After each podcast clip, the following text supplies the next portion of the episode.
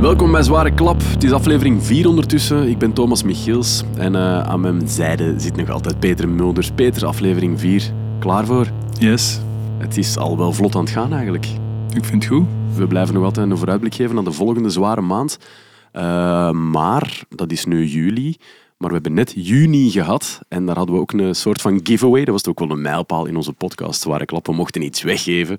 En daarvoor moest je dus uh, iets insturen naar zwareklap.vrt.be.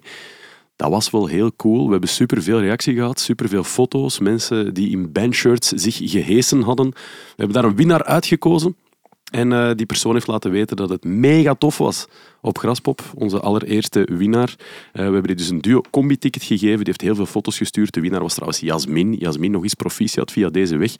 Um, als je dat ticket niet gewonnen hebt, maar je hebt wel moeite gedaan om iets in te sturen op die wedstrijdvraag, uh, dan moet je nu vandaag ook blijven luisteren. Want we hebben misschien opnieuw een leuk cadeautje. Zeker eigenlijk. We hebben sowieso nog een win op het einde van de aflevering. Voilà, zo is dat. Ik zeg misschien dat hij kon uh, Het gaat vooral ook veel gaan over festivals. Natuurlijk, de zomer is officieel aangesneden.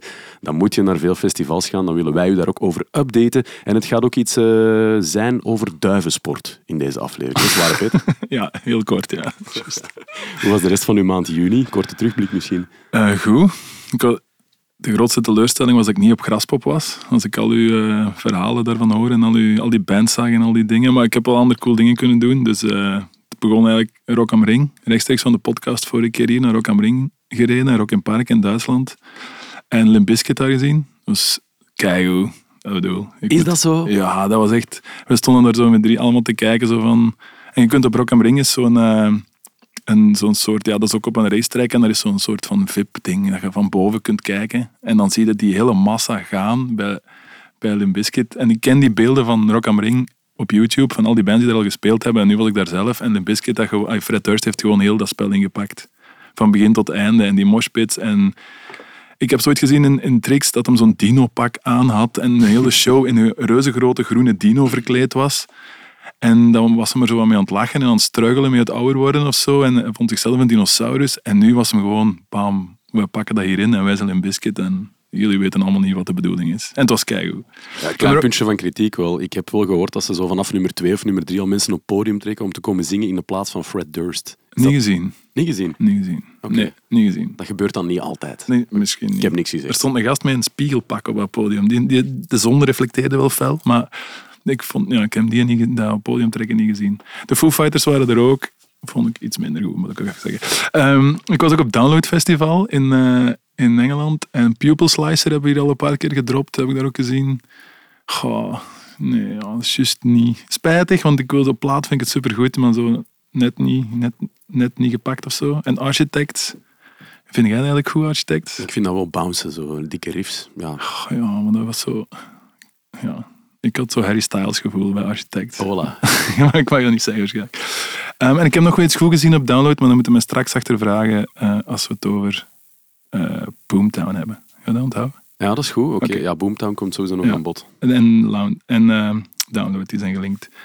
En op Copenhagen heb ik Sleep Token gezien. Copenhagen is uh, de graspop van Denemarken eigenlijk. Ja. En we kwamen daartoe en moesten eigenlijk... We hadden dezelfde backstage. Er waren twee kleinere podiums met hetzelfde backstage area.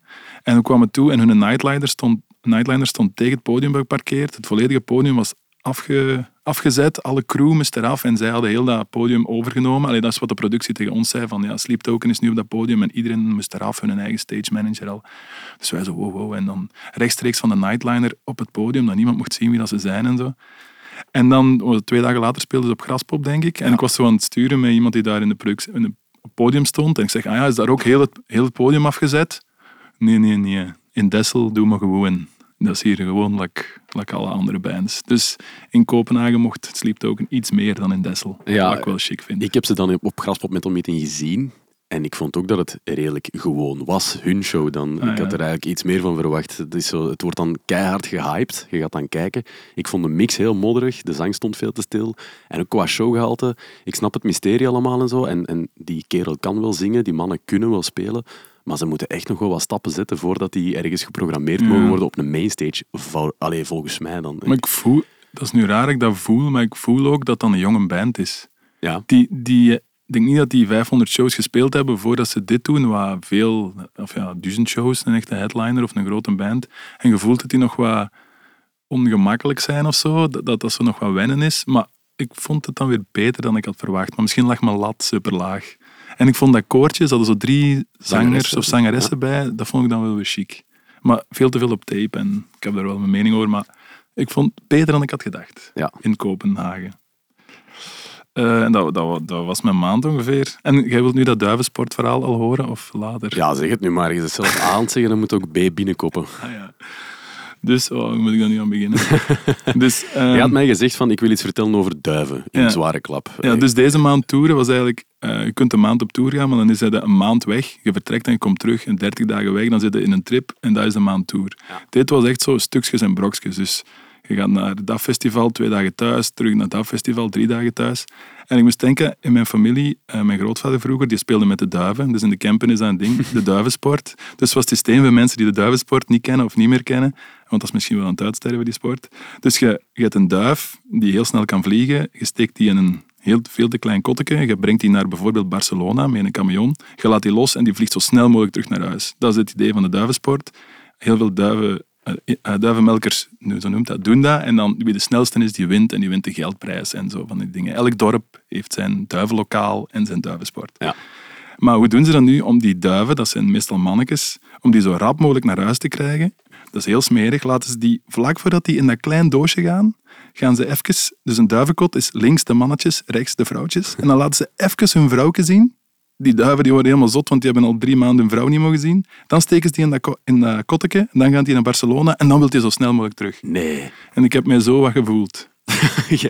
Dus drie dagen thuis, Ja? Ah, ja, ja. mijn lief een keer manier. zien, mijn gezin een keer zien, weer weg, weer zo snel mogelijk thuis. En als je zo lang weg bent, is dat makkelijker dan altijd zo naar huis en terug weg en dan weer afscheid nemen. En dan wil ik altijd nog sneller naar huis. Voilà, dat was mijn link met de duivensport. Dus jij voelde nu eigenlijk een beetje een duif. Ja, nu, ik had wel een onkel, die had zo'n duif, en die had ene keer Barcelona gewonnen. Dat is een grote wedstrijd. En die moest nooit niks meer doen. Die zat in zijn kotteke, hij moest alleen maar eitjes leggen en elk eitje was 5000 euro. Amai. Voilà, dat is lang geleden wel, maar... eh, Ja, misschien moeten we onze muziekbusiness gaan verleggen naar de duivensport. of ja, Dat heb ik vooral geleerd uit uw misschien verhaal. niet, Merci. Misschien niet, misschien niet. en hoe was Graspop? Want eh, Ja, je hebt heel veel concerten gezien. Ik heb die mensen ook allemaal voor mijn micro gehad. Hè. Ik heb daar onder andere Joe Elliott van, van Def Leppard, eh, V-Man van Slipknot, eh Roe van Enter Shikari, eh, Lizzie van Hailstorm. Ik, ik heb ze allemaal in de studio gehad van Studio Brussel. Ik heb ze mogen interviewen. Ik heb zelfs, ho, ho, ho, een hele grote naam, Helmut Lotti Goes Metal in de studio gehad. Die heb ik verteld heeft over zijn graspop metal meeting experience. ja, ik zag die beelden, dat was wel zot. Hè? Heel, heel mijn stream was Helmut Lotti en, en ja, filmpjes van Graspop. Ja, het, blijft echt wel een fenomeen. Dat was echt de zotst bezochte show. Je kon niet meer binnen in de Metal Dome en echt zo een straal van 50 meter rond die Metal Dome was echt gewoon volk. Eh, Daar geraakte gewoon niet. Je kon hem niet meer bezig zien. Ik had gelukkig een paar mensen die zo on the side stage stonden en wat filmpjes van Helmoet hadden doorgestuurd. Eh, Die was ook zo echt aan het grooven in zijn leren broekje met zijn hoge hieltjes. Die, die was echt goed aan het gaan. Hij heeft er echt van genoten. Ik zag ook eh, Capitol Gent al drie keer uitverkocht, OLT in Antwerpen al uitverkocht. Ja, En wat, is de, wat is de setlist eigenlijk? Of is dat eh, geheim? Of, of wat zit er allemaal in? Eh, ja, het is niet echt een geheim. Het zijn vooral zo classics. eh, ook zo wel wat hard rock ballads. eh, want hij heeft al gezegd van dat, dat hem zijn set gaat aanvullen met meer ballads ook zo. Dat hem het iets softer gaat maken dan het was op Graspop Metal Meeting voor zijn zaalshows dan. Maar ja, welke, welke classics zijn dat? Run to the Hills van Iron Maiden natuurlijk. Ehm, en hij heeft ook zijn favorietje onthuld dat hem daar eh, gezongen heeft. En dat is van Whitesnake. Eh dat hebben we klaarstaan. hè. Ja, laat misschien een stukje muziek laten horen. En dan moet je ogen eens toedoen en gewoon u inbeelden dat een Helmoet dat aan het zingen is op een volgepakte wijn. Het is wel heel Helmut Lotti Goes Classic al, hè? Klein beetje toch? I don't know where I'm going, Dat is ervoor gemaakt, hè? Max. Spoel maar eens door naar het refrein.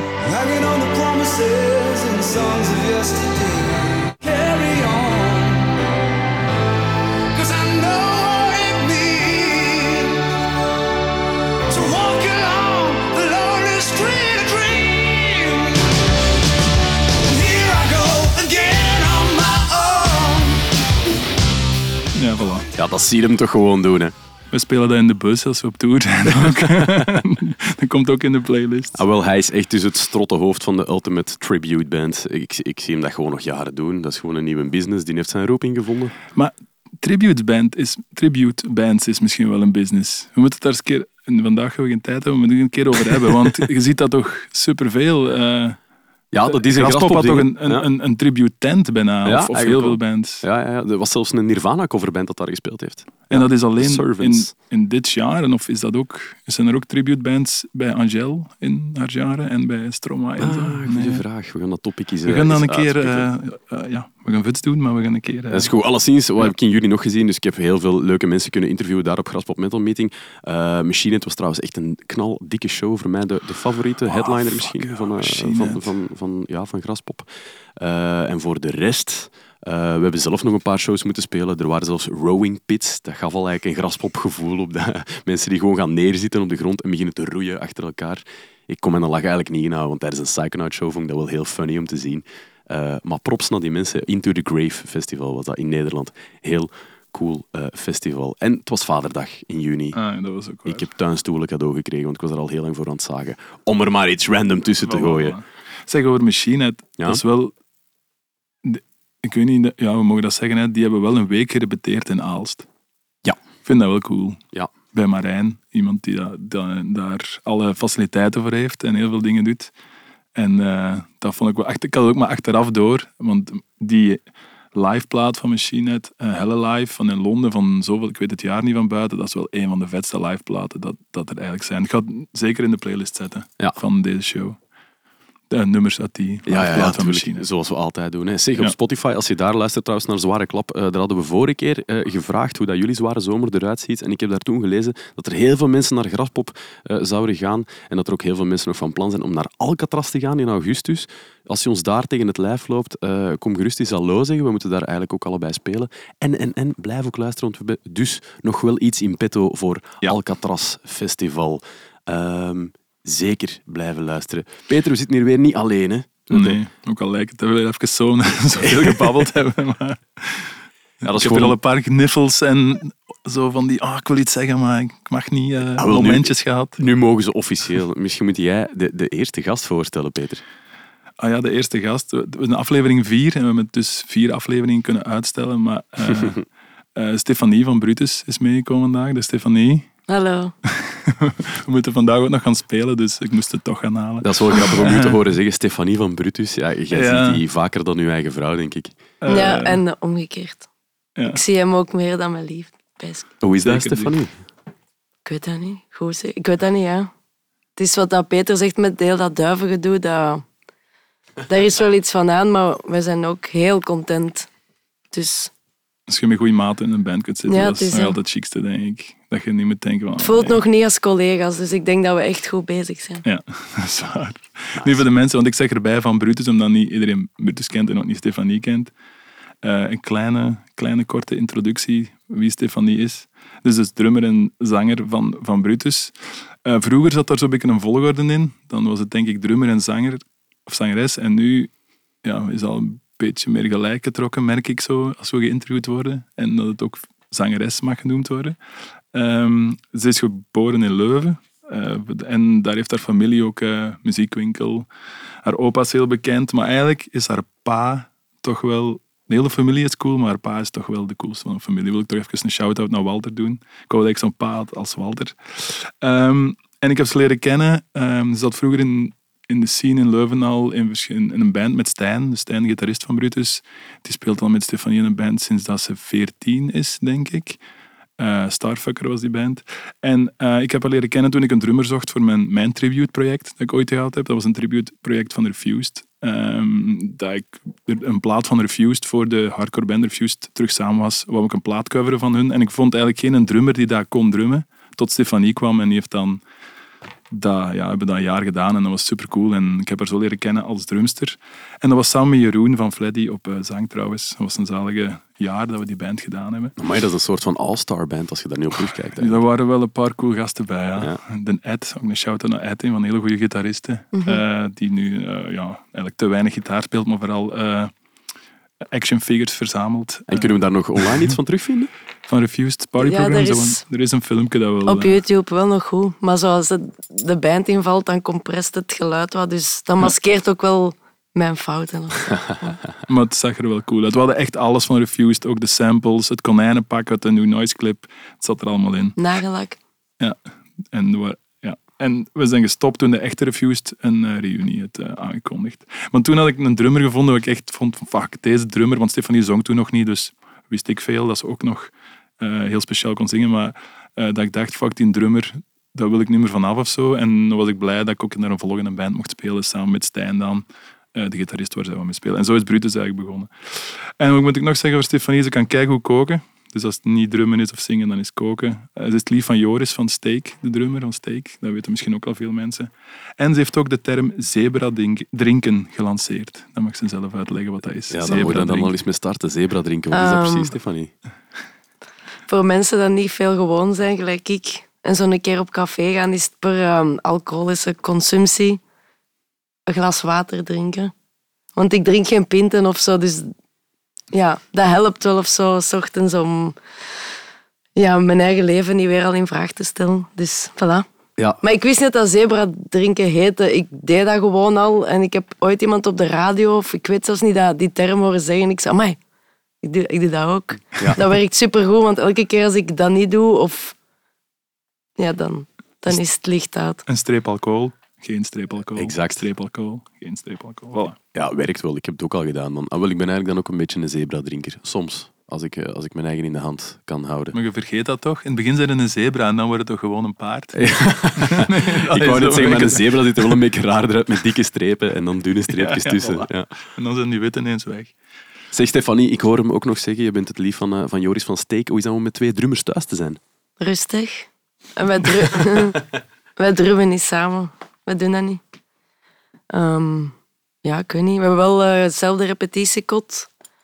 Ehm, maar het is niet dat wij thuis samen liggen te trommelen of... Ik weet niet, nee, ja. En dat gaat goed, want we zijn twaalf jaar samen. Dus. Zalig. Ja, dat zijn dan net de momenten dat jullie thuis komen en even geen lawaai moeten hebben waarschijnlijk. Maar ja, we luisteren wel heel veel muziek en we maken ook muziek samen, maar niks met drums. Oké. Ja, is dat zo de, de stille regel thuis? Van hier komen geen drums. Nee, ik denk gewoon... Het is al zoveel dan thuis. Allee, ik weet niet, dat is wel een intens instrument of zo. Allee. Dus ja, nee. Twee drums in de living.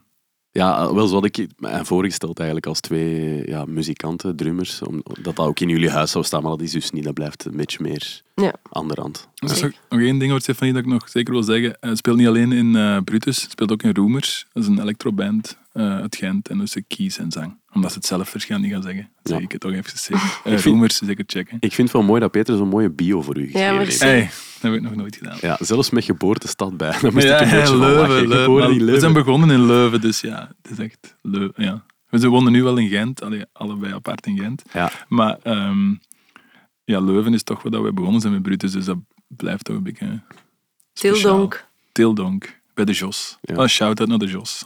En alle bands die bij Jos in zijn kot gerepeteerd hebben, zoals Homer, The Sevenfold. Must. Eh weet jij er nog? Must heeft hij heb je die ook gerepeteerd? Ah, wacht. Geen idee. Die hersenband van Tim eh, Ives. Oh nee, we gaan dat toch niet vergeten, zo'n ding. Oh, we gaan, ik ga zelfs berichten krijgen. Ah, maar ik heb het gevoel dat er nog heel veel gaat bovenkomen in Ja, deze aflevering. Maar om te voorkomen dat het de grote Brutus-aflevering wordt, Ja. hebben we nog iemand meegebracht vandaag. En dat is Jens de Vos, hier aan mijn linkerzijde. Ik heb mijn best gedaan om een minstens zo goede bio te schrijven over u. Ik ben benieuwd. Nee, dat is niet waar, Jens. Dat is niet waar, sorry. Maar ik ga wel een klein voorzetje geven, want ik ken u eigenlijk ook al wel heel lang. Ehm, om, om specifiek te zijn van This Kid's Got No Name, dat was Oh. voor mij in mijn hoofd uw eerste band. Dat is natuurlijk niet waar, want je hebt ook in Timer gespeeld. Ja, Met Matthijs van Staan, die zanger die heel ver is geraakt in The Voice van Vlaanderen ooit. Jazeker. Eh, nee, maar daarom was het niet. Maar, maar ik vond u wel altijd een hele coole kerel. Je wordt ook altijd super vriendelijk.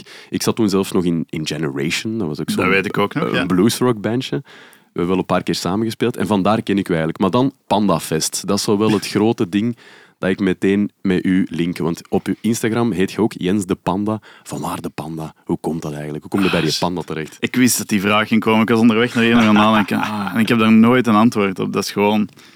Ik was eh, 18 jaar en eh, ik had een bedrijfsnaam nodig, weet je wel. Eh, mijn eerste clipje gemaakt toen voor een band en zo. Dat moet een naam hebben. Zo. Oh, de dag daarvoor. eh, Panda Productions, ja. en nu eh, zijn de beste. is dat 13 jaar geleden en eh, is dat de naam officieel van mijn bedrijf, al 13 jaar lang. En eh, kent, kennen veel mensen mij als Panda. Gewoon. Ja. Ja. Maar het is niet dat dat je spirit animal is, dat je zoiets zit van, oh ja, een Ja, panda. niks mis met een panda. Ik vind hem wel op zich wel cool, een cool beest. Ja. Ik zie hem vereeuwigd staan, ook op je arm. een Ja. Panda. Klopt. Ja, je zit er helemaal in meegegaan. Je dacht van, nu kan ik niet meer terug. Maar, maar ik heb wel tegen de tatoeëur gezegd, zie het er niet schattig uit. Wel jammer dat hij mijn gezicht niet getatoeëerd heeft van de panda.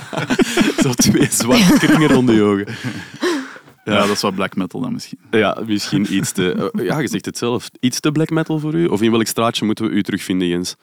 Muzikaal gezien. Oh, damn, daar, daar kan ik niet echt op antwoorden. Nee? Eh, nee, nee.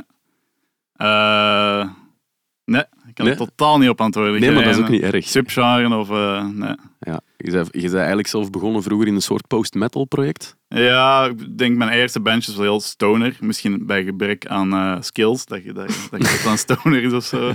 Eh, en daarna post-metal. En, en wat ik nu de laatste jaren heb gedaan, is eh, daar ook weer een stuk vandaan of zo. Ik weet het niet. Ik denk daar ook niet zo heel veel over, over na, om eerlijk te zijn. eh. Eh, en ook met, met- dan met mijn job, de bands waar ik mee werk en zo, de, de, de stijlen lopen nogal uit elkaar. En eh, ik, denk, daar- ik denk daar echt niet meer over na. Nee. Ja. Oké, ja, want je hebt ook met Off the Cross in de zwaarste lijst gestaan. Mhm. Dat die, li- ligt nu dan een beetje op een zijspoor? Of hoe zit het daarmee, Off the Cross? Ja, ja, dus sinds dat COVID eh, zo wat voorbij was en ik eh, op tour ben vertrokken met bands, dan eh, heb ik dat wel in de ijskast moeten steken. Ja. En het klopt dan ook met de andere boys, hun leven en zo. Die, de, onze drummer ging op wereldreis voor, die is nu net terug voor tien maanden of zo is hij weg geweest. En ja, ik ben de voorbije veertien maanden niet echt thuis geweest, dus dat, dan kun je niet echt nog eh, tijd in een eigen band steken. Maar dat is perfect oké voor mij. eh. Ja. Ja. Wil je nog eens de naam zeggen van de zanger van Off the Cross? Daan Swinnon. Oh, Daan. Ja, die heeft Zo'n heerser. Ja, hij heeft Ja. coole shit gedaan, want hij is ook bij een black metal project ingestapt. Of Is dat Ja. plots ingevallen op bas en Ja, zang? ja. Doodswens of zo, denk ik? Of, eh? Eh, ja, ik denk het. Eh, ja, ja, en daar is hem ingevallen. En, eh, ja, maar ik denk dat eh, hij doet dat wel graag, die dingen, maar ik denk dat hij toch liefst gewoon vol een bak staat de frontman en, eh, en eh, alle aandacht steelt in een bloemenhemd Ja. in plaats van black metal te moeten doen. Ja, maar hij, hij pakt het echt. Als, nee, hij pakt echt de zaal gewoon. Hè. De Daan is gewoon, hier Ja, ben ik. Dus dat is perfect voor mij. Want op een podium staan vind ik het minst leuke deel van in een band spelen. Dus dan kan eh, Oké. gewoon helemaal... Ja, je zegt het eigenlijk al, want je hebt je terrein al een beetje verlegd. Je, je zat dus eerst in een band, Off the Cross. Eh, ik heb u ook altijd zo gekend hè, van andere bands. En dan plots zie ik u bij mega grote bands opduiken als foto- en videograaf. Eh, jij maakt echt zo de coolste foto's. Als ik dat op je Instagram kijk, ja, ik weet niet wat is het hoogste, 8K of zo. Als ik op je Insta kijk, is het precies 16 of 32K. Ik weet niet of het echt bestaat, maar ik kan bijna altijd de hoofdharen tellen van de mensen in het publiek. Zo scherp zijn uw foto's. Even take the credit gewoon. Ik geef u dat gewoon. Ik ik vind echt dat je nice foto's maakt. En niet bij de minste bands. Hè. Sabaton, eh, Avatar, Epica, eh, Powerwolf. Het zijn echt wel de groten der aarde waar jij mee op tour gaat. Hoe, hoe zijn je daar ooit in beland? Ja, eh, ik denk dat dat begint bij Epica. Dat is een band waar ik nu bijna tien jaar voor werk. Die hebben mij de eerste keer gebeld, in 2013 of 14. Ja, we zijn een band, hebben we nodig om wat filmpjes te maken op een show. En ik zei, ah, oké. En De naam is Epica. En ik dacht, ah, zegt me wel iets. Die hebben misschien ooit al eens op Graspop gespeeld of zo. En ik weet dat ik die toen ging opzoeken op Facebook toen. En zo, oh, oké, eh 2,5 miljoen eh, volgers. Zo, oké, ja. En dan, eh, die, eer- die eerste show dat ik mee ben geweest toen was op Pinkpop. En, Welk jaar? 14, denk ik. 14, Ja. dat is bijna tien jaar geleden wel. Ja. Ja, ja. En toen speelden ze... ah, ik had toen nog nooit met grotere bands gewerkt dan Belgische bandjes en de lokale scene en zo. Dus dat was opeens zo, oh, wat, wat is deze? Eh, en ze speelden toen... Ze sloten de tent af, denk ik. En vlak na hen speelden de Rolling Stones op eh, het hoofdpodium, wat dat er vlak naast was. Dus we komen van het podium en de Rolling Stones passeren ons zo van, oh damn. dat is iets anders dan eh, in de klinker of zo. Ja, ja. letterlijk. Met alle respect voor de klinker, maar Ja, ik snap het tuurlijk, wel. Als je Mick Jagger ziet passeren langs je. Ja. En toen wist je van, wow, dit is wat ik wil doen. Ah, ik- dat heeft nog wel wat jaren geduurd voordat ik echt... eh, maar ik denk in begin 2020 had ik zoiets van, oké, dat die tour content, zoals het dan noemt. Eh, dat is iets waar ik in verder wil gaan. En eh, ik ga op tour gaan fulltime. En ja, toen was het 2020 en dan heeft het nog eh, even geduurd tot eh, de wereld terug open ging, eh, iets meer dan een jaar geleden. Ja. En dan ben ik met Epica op tour vertrokken. Ik denk dat ik dat dan oké gedaan heb, want heel veel andere bands hebben dat gezien. En vanaf toen zat mijn agenda vol. Ja. nu heb ik vijf bands waar ik op focus, waar ik content management voor doe. Dus ook als ik niet meega op tour, dat ik andere mensen voorzie die meegaan. Ja. En de opvolg. En ik hou het nu bij die vijf bands, want dat is... En welke vijf zijn het dan? Sabaton, eh, Epica, Powerwolf, Arch Enemy en Avatar. Ja. Ja. Ja, is, dat, is dat een ding, tour content? Absoluut, ja. Want wij, ja, wij, wij doen dat allemaal zelf met Brutus, maar we, wij struggelen daar wel mee. Soms omdat ja, er, is, er wordt wel veel verwacht of zo. En het moet allemaal goed zijn. En het moet snel zijn. En je kunt niet een filmpje van Rock am Ring drie weken later posten. Je moet dat bijna de dag erna posten. En social media is zo fucking onverbiddelijk op dat vlak. Dat- Ja. En ja, dat is wel... Wa- ik vind dat, dat is ook geen verplichting of zo. Dus je moet er niet zo hard in meegaan. Maar ik denk als je dan zo'n die echt grote bands gaat, waar dat je echt al een bedrijfsstructuur hebt bijna rond die band, dat dat wel belangrijk is. En als je iets geeft, als je een tour hebt en je hebt twintig shows, en als je iets geeft aan de mensen van de vijfde show, hier is coole content, dan gaan die van de zesde show dat ook verwachten dat je dat voor die show doet waar zij waren. Dan moet je dat zo blijven... Een constante stroom van content eigenlijk gewoon, ja. we voelen dat, ja, Stefanie zit erbij, wij voelen dat soms wel van, wordt er nu verwacht dat we iets, we hebben iets heel cool gedaan, wordt er nu verwacht dat we dat ook posten? En denk vorige week dat we nog gezegd hebben, nee. We zijn beu. Ah, ik bedoel, we hebben al zoveel gepost de laatste weken. Het is even goed. En Ja. we gaan niet nog iets verzinnen of ergens een foto vandaan halen of weer een andere manier. Mm. Maar als je een echt grote band bent, dan heb je een tour content manager. eigenlijk. Ja, ja, voilà. Dus dan, want die bands denken daar net hetzelfde over. Die willen daar niet mee bezig zijn. Dus, Maar het moet wel gebeuren ja, dan toch? dus vandaar dat ik dat dan doe. En, eh, Dat dat wel makkelijk is. Mm. En dat haalt ook wel druk weg, want je hebt soms geen idee van wat moeten... Allee, we moeten blijven doen. We zijn maar Ja. ja. met drie of met twee die daarover nadenken. Of met drie, of in duo's over nadenken. En dan, Mhm. Maar we zijn ook wel, als ik dat mag zeggen, de koning in keivelkolen shit doen en dan zo, fuck, tien dagen niet gepost. Allee, zo, of, omdat je zo bezig bent met die shows moeten goed zijn en die mengtafel moet daar staan en bla bla bla en die setlist en dan heb je promo en ineens is het negen uur. En dan zo, ah ja, Wat je nog kunt doen is dan stories reposten van, Ja. bands, eh, van, van mensen in het publiek die je gefilmd hebben. Maar op den duur lijkt dat allemaal hetzelfde. mm. Ja, ja, Maar maar bon. het is natuurlijk wat... Ja, dat, dat, komt, op, niet- komt niet op de eerste plaats natuurlijk. Een, een goede show geven Nee, en zien dat het allemaal oké is. Dat, dat is Dat- belangrijk. dat is- Ja, dat is Dat zo. is- Eh, maar ik denk wel dat het wat druk weghaalt Mm. bij veel artiesten, wat, Ja. dat, wat dat jij doet. Mm. En dat je mee kunt denken in hun plaats. En, want in het, het is ook moeilijk om, om daar zelf over na te denken. Want je, je staat al op het podium en het is al allemaal voor het grijpen. Allee, snap je? Dus ik denk als iemand dat dan ervaring heeft, Mm. kan zeggen, ik zou deze doen. Allee, snap je? Wij hebben voor muziek geoefend en jij hebt voor dat geoefend of gestudeerd, maakt nog niet uit, maar dan... Maar hij neemt geen bands meer aan, Stefanie. Dus. Goed geprobeerd, goed Ik heb al heel dikwijls gedacht, want ja, ik zie jullie naam veel op de internationale festivals. Ah, als ik daar dan, maar het is altijd zo net gemist of zo, dat ik er net die dag niet was, dat jullie er waren. Maar anders had ik zeker gestuurd dat ik voor jullie iets mocht doen of zo. Ja. Dat gaan we wel eens doen. Ja, in. Amerika moesten we vlak voor Avatar spelen, denk ik. Of een Ja. show. En toen kwam er een storm, dat was in eh, Ja, We ja, moesten ja. stoppen. En die mannen moesten naar... Wij konden juist onze set spelen, dan kwam er zo'n donkere wolk Ja. en heel het festival werd ontruimd. Wow. Know, en ja. de mannen met twee nummers en ze moesten van het podium en het was gedaan en ze mochten Mm. naar huis gaan. Ja. Ja, daar had ik normaal bij geweest bij die tour, maar het overlapt een beetje met de Sabaton Tour, die toch voorging. eh. Ja, ja, over die Sabaton Tour gesproken trouwens. Die stond eh, 13 mei in het Sportpaleis, Ja. denk ik. Dat hebben jullie nog vermeld in de vorige aflevering. En toen eh, kwam de prachtige term eh, verkleed metal. en ik zat toen op die tour te luisteren. En, eh, ik heb het toen gestuurd, denk ik, of zo. Ik En vond je het wel hebt heel dat- funny. En je hebt dat onmiddellijk translated naar die mannen zo van hey, they are saying that it is dress-up metal, hey? Eh, Nee, je hebt ons niet zwart gemaakt of zo. Merci Nee. Jens, merci. maar het was wel een pittig toertje met Lordi, Baby Metal en Sabaton elke avond. Ah, dat is wel een avondje overprikkeld. of Hoe noem je dat dan als dat niet verkleed metal is? Dat is maar- absoluut wel verkleed metal. Oké. eh. Oké. Ja. Thanks. Ja, het Sportpaleis, eh, op 13 juli staat daar ook Iron Maiden. Hè. We doen dan toch, want ik moet nog even kaderen, hè. we doen altijd een vooruitblik naar de volgende maand. Op 13 juli Iron Maiden in het Sportpaleis. Jens, hoe is dat dan om in het Sportpaleis te staan? Want ja, grote bands, we zien ze vaak op festivals. Eh, maar we willen daar wel zo'n dingetje van maken. Ik wou dat even hier zo eens op tafel gooien. Als grote band, waar staat dat nu eigenlijk het liefst? Is dat dan in zo'n gigantische zaal waar dat je de show alleen kunt maken? Of toch maar liever op een festival gedeeld met andere coole bands? Heb je dat gevoel zo'n beetje kunnen capteren bij die... Ja, ik denk dan, van Sabaton? bij- Ja, bij zo'n arena-formaat denk ik wel dat die bands liever hun eigen show doen, want dan heb je volledige controle, maar echt volledig. Dus op een Sabaton-tour bijvoorbeeld.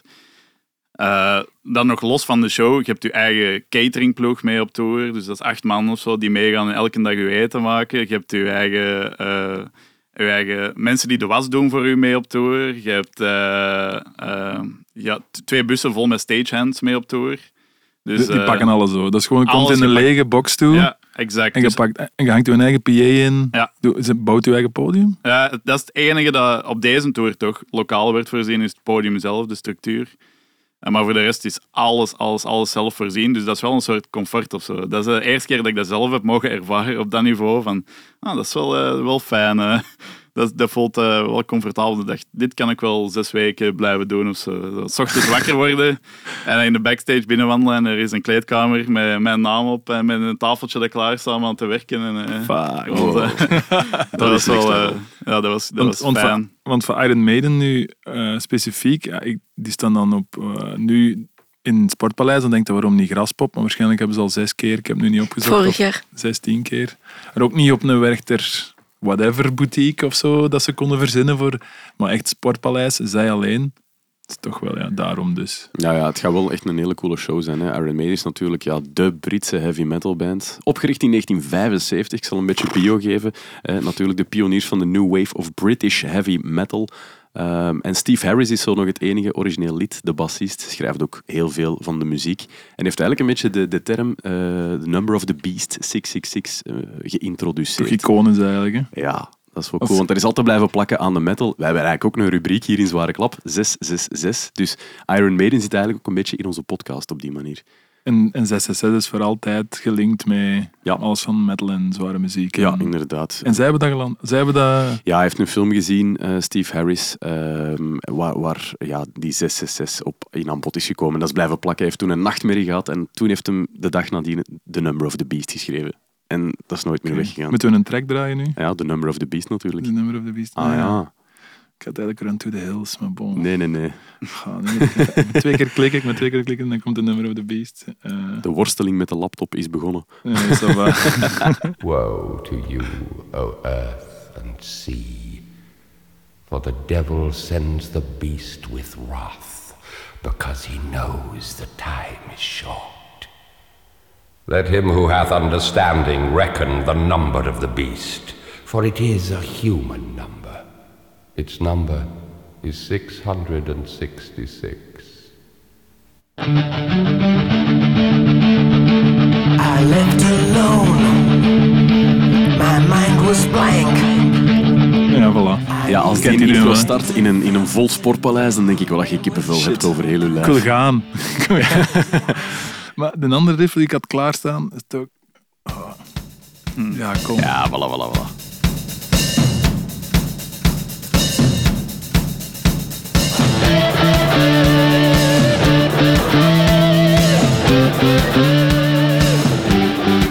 Ja. Is niet slecht, hè. Nee, nee, nee, ja, niet slecht. Dat is gewoon de heavy metal band hier op onze planeet. Ik weet niet dat daar iemand ooit nog kan overgaan. Zo'n status dat die mannen bijeen hebben gespeeld. Eh, Stefanie, jij bent ook wel grote fan van Iron Maiden. Ah, ik ben een grote fan geworden, want ik ken al die liedjes, maar meer van... Gelijk dat je Rage Against the Machine... Ik ben geen Rage Against the Machine fan, maar ik ken al die teksten. Omdat als je graag naar gitaarmuziek luistert, dan komt dat erbij. Dat, allee, dat is gewoon zo. En vorig jaar moest ik spelen op Graspop en de headliner was Iron Maiden. En dat decor, ik heb dat nog nooit gezien. Want normaal is dat pyro en led en lasers. En dat is wat dat het nu... Allee, wat, dat, wat dat je veel ziet bij eh, metal headliners. En die hebben echt props, outfits, Ehm, en dat zijn scènes, bijvoorbeeld per nummer, of dat nu de Trooper is of iets anders, is er een achtergrond. En ook als het liedje gedaan is, gaat het licht uit, gelijk bij het theater. En trekt er iemand aan de koord en gaat, en gaat de backdrop weg. En dan is het volgende nummer. En dan komt er ineens een vliegtuig uit. En ik was gewoon, hoezo doe je dit zelfs op een? Allee, ik was gewoon naar tv aan het kijken. En dat is ook een band, je al die nummers. Omdat dat zo is, omdat je graag metal luistert. Ehm, en dat is zo sinds toen dat dat gelijk specialer is. Want ik zou anders nooit naar een Iron Maiden concert gaan. Of... Maar eh, ik was echt zwaar onder de indruk en een beetje geëmotioneerd zelfs. Ja. Van, ehm, om het helemaal anders aan te pakken. Ze doen het wel al 50 jaar zo. Maar het is niet dat hele vuur en vlammen en dood. En wat dat ik ook superleuk vind en interessant vind. Maar het was heel theatraal, maar echt theater op een podium van, tegen 105 decibel. De drummer was supergoed. Al, er was geen enkel zwak moment. En gewoon dat die echt de tijd namen van, oké, scène 2. Zo, ik, dat, ik had echt gevoeld dat er een, souffle- een souffleur beneden zat en dat dat echt zo... Allee, ik, dat was heel, ik had dat ook niet verwacht. Ja. En die wij was ook heel luid, maar ook heel stil. Van, wat gaat er gebeuren? Allee, Ja, ja, het is bijna een theaterstuk. Dat het is zien echt zo. Dat is Ja. cool, hè? Neem je daar iets van mee dan, als, als ja, zelf muzikant zijnde? Pak je daar iets van mee of is het gewoon ja, eeuwig respect en je kijkt daarnaar en je vindt dat allemaal mooi en wel? Of, of pak je daar toch iets van mee, van die mannen, van die theatrale performance, van hoe dat ze daar op dat podium staan, iets waar je, waar je zelf mee aan de slag nog gaat of zo? Mm, Ja, toen was het wel, toen hadden wij met Brutus een nieuw lichtplan nodig. Ja? Ehm, en we waren aan het brainstormen met onze lichtman. En ik had dan verteld over die show van Iron Maiden, dat dan met poppen en, en achtergrond en props. Dus je zag al zo de ogen van onze lichtman blinken van ja, vertel verder. Ehm, en dan ineens hadden we het over Batman, over zo'n theaterlichten met een logo. En dan zijn we gekomen, dus nu projecteren we ook. We hebben en een lichtshow en een backdrop, maar we hebben ook een, dat heet dus een gobo. Maar ik heb dus zes maanden gedacht dat dat hobo heet, omdat onze lichtman West-Vlaams is. Ehm, en dat is het zo dia-projectieltje, gelijk Batman. Als hij zo... Als Ja. die... ehm, als de, die, allee, die fliek weet wanneer dat hem naar dat gebouw moet gaan. Als hem dat logo... Ja, maakt niet uit. Dat doen we dus nu ook, maar dat was wel initieel ontstaan door heel dat Iron Maiden Theater. concert van... Misschien moeten we het niet de HD 2023 zien, maar wat is er cool en wat blijft bij? En, en hoe kunnen we met kleine dingen ja, iets vertellen? Iets, of terug naar de roots. Hetzelfde met waarom gebruiken wij geen digitale versterking? Allee, dat klinkt zo stom, maar we dachten, wat, wat kunnen we... Want we werkten al zes jaar met theaterlichten. Met Brutus dat echt heel warm zijn. en dan hebben we op dat verder gewerkt. En niet op welke ledwal gaat er uit de muur komen. En Welke projectie? Of, ja. Ja. Zo proberen kort Wat- ja. de basis te houden. Ja, maar ik had dit antwoord eigenlijk niet verwacht. Ik dacht van, ja, oké, dat zal misschien iets meenemen Ja, uit ik die ook, ja. drumtechniek of zo, maar eigenlijk heel uw lichtplan. Dus als mensen naar jullie komen zien en die zien zo de schimmen van, van jullie projecties, van die, van die theaterspots, dan is het een beetje gepikt, is nu een zwaar woord. Dat zat er al mega- in, Dat maar zat er al dan- in, ja. ja, vooral nu, ja, de nieuwe show heeft zo'n de hobo, gobo. Eh, Wat is het nu? dat is een, eh, ja, dat Batman-teken dat op de achtergrond komt. Dat is wel, daar kwam Stefanie mee af na dat hele theateridee dat ze juist vertelde van, eh van Iron Maiden show. Ja. ja, door gewoon te brainstormen allee, Hm. Ja. met de lichtman. Elke show die je kijkt ins- inspireert wel op een bepaalde manier. Oftewel wil je dat ook doen, oftewel je niet. weten wat je niet wilt doen. Dus een van, een van de twee. Of welke band dat ik ook zie, triggert mij zo wel op een bepaalde manier. Ja, ja, Jens, bij u op een podium zijn er al zo dingen geweest dat je van zegt van, amai, wow, dat heb ik nog nooit gezien. Daar val ik een beetje van van mijn stoel. Want je hebt echt al veel gezien, hè? ook van die zotte theatrale eh, decorstukken, eh, Ja. lichtplannen. Wat is zo het zotste waar je echt van zegt van, hoho, dat is next level? Eh, ik vond eigenlijk die... eh, oh ja, dat is eigenlijk net het tegenovergestelde werk van die nu die recente Metallica Tour. Ja? Vond ik super cool dat hij dat zo simpel en clean, gewoon die, die donut in het midden. En- en en een drumstel en ja, het, ja. vier drumstellen op Ja, ja, eh, liften. ja. Maar je ziet niks gewoon. En dat vond ik eigenlijk ook al heel verfrissend. Zo. Er was gewoon niks. Ja, gewoon le- een leeg, lege stage. Allemaal super proper afgewerkt. Er, zitten, er is zo één pyro-momentje in heel die show. Wat ik dan ook cool vind, zo ene keer, oh, er is ook pyro, en dan is dat terug weg voor de rest van de show. En dat is ook netjes ingebouwd in, die, in, die- in dat podium, je ziet er niks van. Maar ze, hadden wel, ze hebben wel zo van die palen meer LED. Want, want we kwamen Ja. op Downloadfest, waar ze dan Ja, twee, twee sets hebben gespeeld met een dag tussen, met een Mhm. totaal andere playlist. We zagen die, wij moesten op dag drie of zo, dus het was Metallica, dan eh, de dag met Architects waar wij speelden, en dan terug Metallica. En ze hadden een playlist gepost van de eerste dag, en daar stonden alle hits op. En er stond dan bij, binnen twee dagen doe iets helemaal anders. Geen enkele song gaat terugkomen. Mhm. We kwamen op die wijn, al die palen met die Mm. leds die ook in de Ziggo Dome, of waar was het, stonden. de ah ja, Amsterdam Arena of Daar, Johan ja, Cruijff. ja, ja, daar in Amsterdam, in dat heel groot ding. Ehm, die stonden daar ook. Dus die hebben gewoon heel download overgepakt. Die catwalk die lag daar Ja, ook. En daar kon dan. Architects en al die andere bands dan overlopen. Ja. En dat was wel... Dat was waarschijnlijk wel een stevige... Onze eh, Eddie, onze tourmanager bij Sabaton, is stage manager bij de Metallica. En die zei eh, dat dat download echt een van de zwaarste dingen is dat ze ooit hebben moeten doen. Want ze moesten heel die, die stage set bouwen voor Metallica. En terug weghalen de dag daarna. En dan terugbouwen. De masten stonden er nog, hè. De masten wel, ja. De stage niet. Ja, die masten zijn blijven staan. Die hebben ze gewoon als de LED walls van het festival gebruikt, Ja, ja, ja, ja, Eh, maar dat vond ik wel gek. Ja. Eh, Ik, wij, ik heb drie shows van de rest van de tour meegedaan. Eh Epica was support. Ah, juist, ja. dus ja, ik, zat, ik zat mee op de Metallica tour. Eh, wel altijd twee weken tussen elke show. Maar Kun je elke week komen, of elke maand komen vertellen? dat, was wel, dat, was, dat was cool. Heb je die mannen ook ontmoet Ja, van Metallica? Ja, de eerste show. eh, ja, dus Five Finger Dead Punch ging normaal supporten. eh, maar die hebben om eh, vage redenen gecanceld. En dan, hebben ze, dan hebben ze een paar bands gecontacteerd, waaronder Epica. En Epica was volgens mij heel snel met ja te zeggen. En ik, zat, ik was toen op tour. En moet je misschien weten, Metallica is mijn all-time favorite band. Dat is de enige band waar ik zo'n super fanboy van ben. Eh, en ik was op tour met Sabaton en ik krijg telefoon van een manager van Epica van ja, zit je vrij 17 mei? Ik zeg ja, nee, ik ben op tour. eh. ja, maar, ja, maar je hebt een day off zie ik in de planning. Ik zeg, ja, oké, dus in principe ben ik vrij, maar ja, ik, zit, ik zit op de bus te rijden.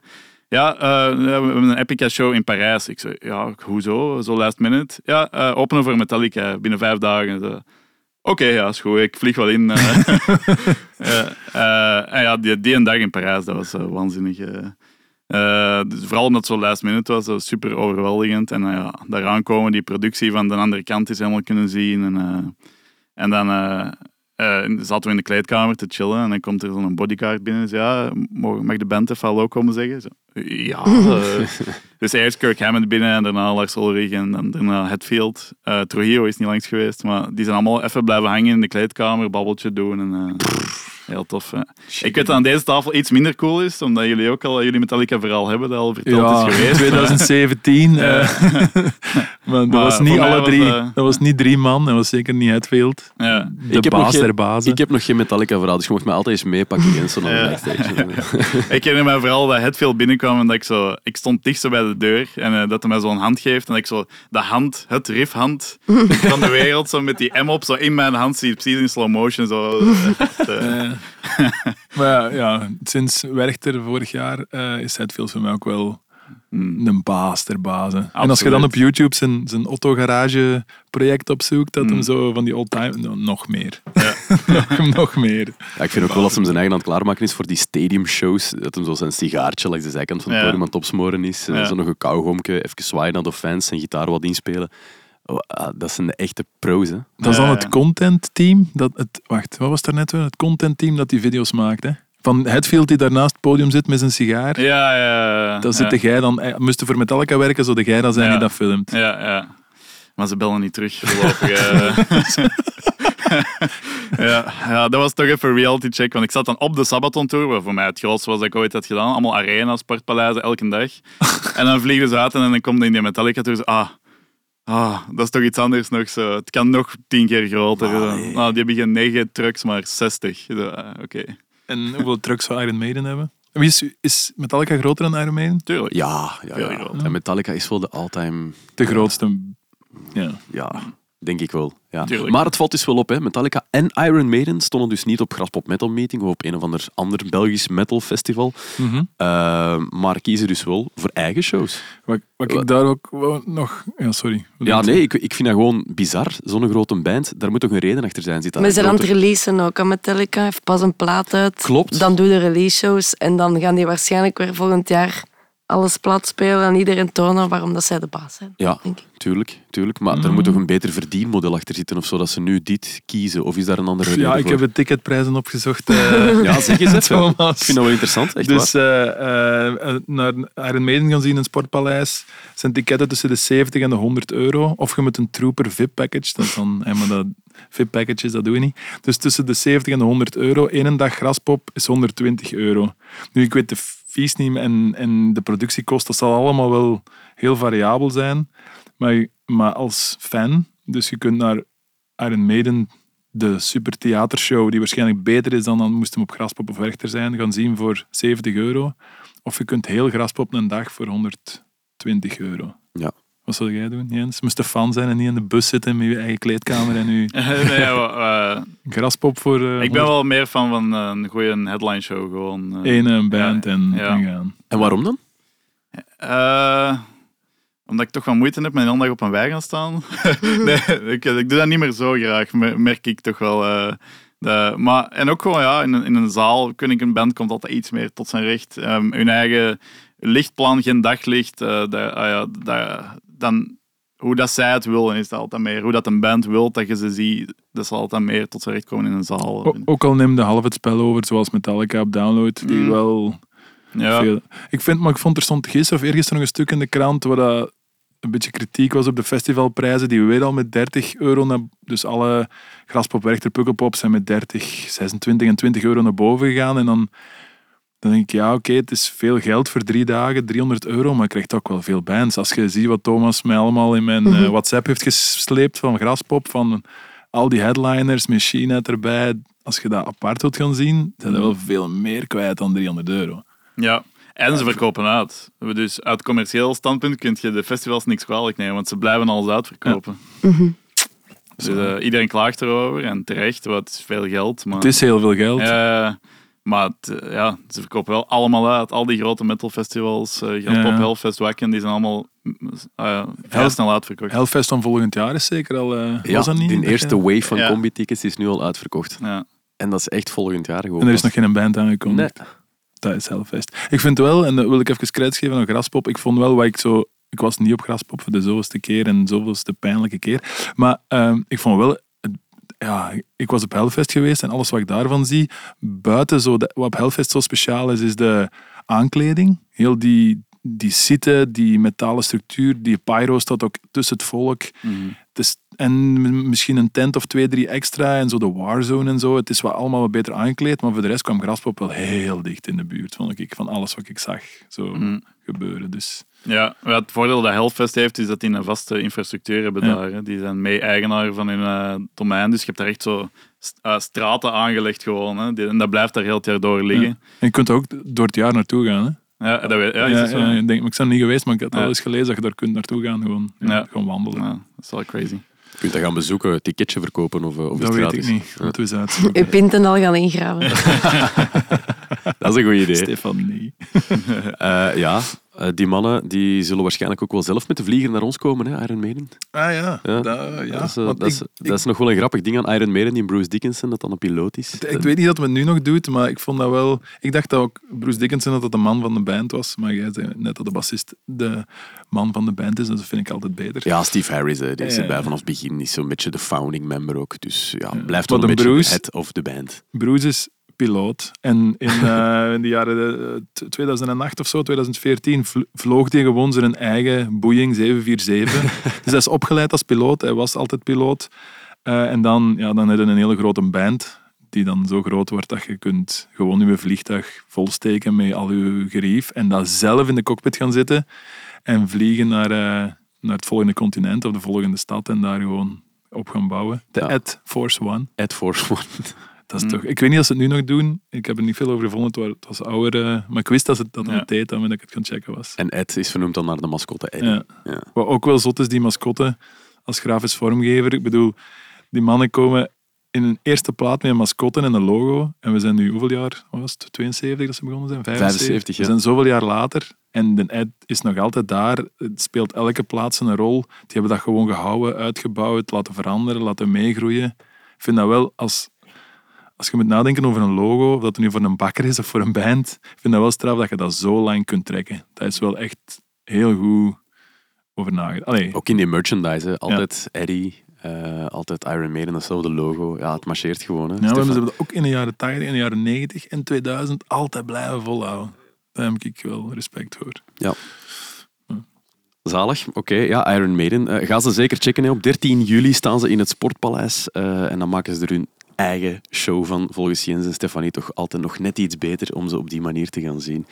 Ehm, we zitten in het midden van onze aflevering en dat wil ongeveer zeggen... Nee, dat wil gewoon zeggen dat we aan de beste band van de wereld gaan beginnen. Eh, elke maand maken wij hier een, eh, een overzichtje van de beste band van de wereld. Volgens Zware Klap, dat moeten we er zeker bij zeggen.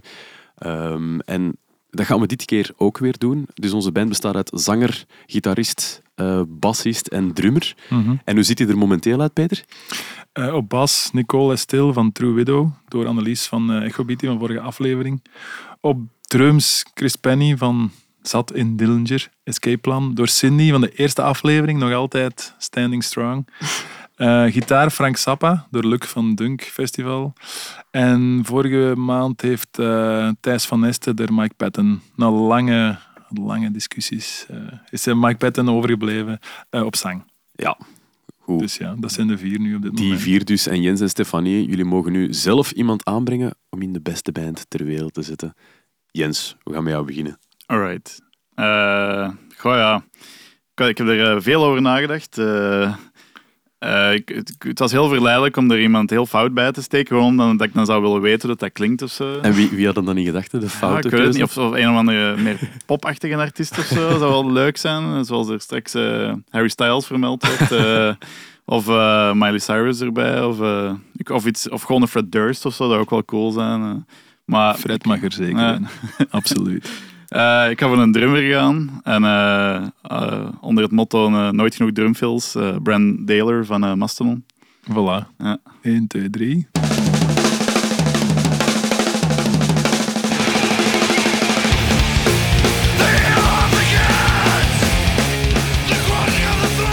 Ja, dat zijn genoeg drum, drumfills, hè. zeker Ja. om een plaat mee te beginnen. is dat wel een statement. Ja, het goede aan Brand Taylor is ook dat hij meezingt. Dus die kan wel zo wat backings verzorgen. Absoluut. Heb, je, heb je hem ooit live gezien? Oh ja, pff, talloze keer. Ik zou niet weten hoe- dikwijls. eh. Ik heb ooit ook zo'n, eh, de, die gitarist eh, Bill, die deed zo gitaarlessen vroeger. En ik heb dat ooit cadeau gekregen van iemand om zo gitaarlessen te middags. En dan zit je daar in zo'n kamertje met die, met die kerel. En dan legt hij zo zijn... Dat is, dat is heel generic. Die doet elke dag hetzelfde waarschijnlijk. Maar dat vond ik toen wel super cool. Ik was nog steeds grote Mastodon fan, maar vroeger was hij echt wel een van mijn number one bands. Live gitaarlessen. Ja, ja. En was dat hier in... Waar was Ja, dat? dat was in Torhout in de Mast. Die ja. doen dat voor een show. Ja. Ja, doen die om iets bij te verdienen. En dat kost dan wel wat geld. Maar dat is meer een soort masterclass of zo. Dat hem uitlegt hoe dat hem in shape blijft gitaar spelen. En, en, en, en opwarmt. En, en zo wat over zijn filosofie over gitaarspelen vertelt. Die drummer van En- Dillinger deed dat ook. Ja, Ook voilà, tof, ja. Ik vind dat op zich wel een cool manier om... eh, voor, ik vind dat toffer dan zo... Weet je, hoe de bands zo VIP-sessions en meet and greets doen, vind ik dit wel iets cooler of zo. Want ik vond dat wel interessant. Al gewoon... Hij, iedereen zat er met zijn gitaar en zijn versterkertje, maar dat deel, je gaat niet op, op anderhalf uur tijd ineens leren spelen zoals hen, maar gewoon uit hun mond horen wat hun filosofie over muziek maken is en, enzovoort. Dat, dat vond ik wel op zich het geld waard of zo. Ja, want Dat is wou ik dan vragen. Is dat dan niet een veredelde meet and greet of steekt daar Ja. dan echt ook iets van op? Ja, ik, ik heb er wel iets van opgestoken. Ik heb dat cadeau gekregen, maar ik denk dat dat 150 euro was of zo. Maar op zich vond ik dat dat wel waard. En ik zat er toen samen met, eh, met twee andere mensen, waarvan, waaronder eh, Joost van eh, King His. En eh, die zat er naast mij. Dat was wel funny. Dus dat is 500 euro Ja, dat, zij verdien, dat hij verdiend heeft Ja. op, op tour. Is dat wel... eh, Dat is een mooie bijverdienst. Dat is slim gewoon, gezien. Dat is gewoon bijverdiensten, ja. Ja, maar het ging over Nee, de Stefanie, we gaan er niet mee beginnen. Ik ga daar, ze- ik ga er niet mee beginnen. misschien. Stijn kan misschien gitaarles geven. Stijn, als je dit hoort, eh, bel mij. Maar het ging over de drummer, hè, Brand. Ja, Doet hij ja. dat ook eigenlijk met drum masterclasses? Of Ik denk het niet. Dat heb ik toch nog nooit zien langskomen. Ik weet dat de gitaristen dat deden, maar hij, hij niet. Eh, zou ook misschien wat minder praktisch zijn of zo. Maar ja, ik vind het super. Ten eerste een heel interessant persoon, een grappige kerel. Eh, alles wat ik ervan zie. En ja, super iconische drummer ondertussen eigenlijk al. Hij heeft echt al een stijl ontwikkeld dat veel mensen proberen aan. Ik heb zelfs gehoord dat Lars Ulrich bij een vorige plaat zei dat er iets, ik hoor het niet, maar iets, een nummer geïnspireerd was door Brand Taylor, van dat hem zo'n films wou proberen of zo. Dus ja, dat wil al iets zeggen als, als zo'n mensen nu als inspiratie Ah, maar het zal wel zijn, maar dan 50 bpm trager waarschijnlijk. Ja. en dus, misschien wel het een en ander goed gezet zijn in de studio. Klein editje dan gebeurt. Ja, dat wil inderdaad wel wat zeggen. Als Lars Ulrich eh, geïnspireerd is door Brand Taylor, dan mag je hem zeker in de beste band ter wereld. Eh goeie toevoeging, Jens. Stefanie, wie gooi jij in de band? Eh, ik heb er Emma Ruth Rundle op zang en gitaar en piano. Dat komt daarbij dan. Aha. Ehm, want ik had zitten nadenken, um, kijk hoe dat je een drummer hebt gekozen dat ook zingt, want ehm, eh, die bassiste van True Widow zingt ook. Dus ik dacht dat die kunnen met drie zingen dan. En misschien wordt dat dan zo de Fleetwood Macon, zo anno nu of Ja. zo, maar dan met iets emotionelere akkoordenprogressies.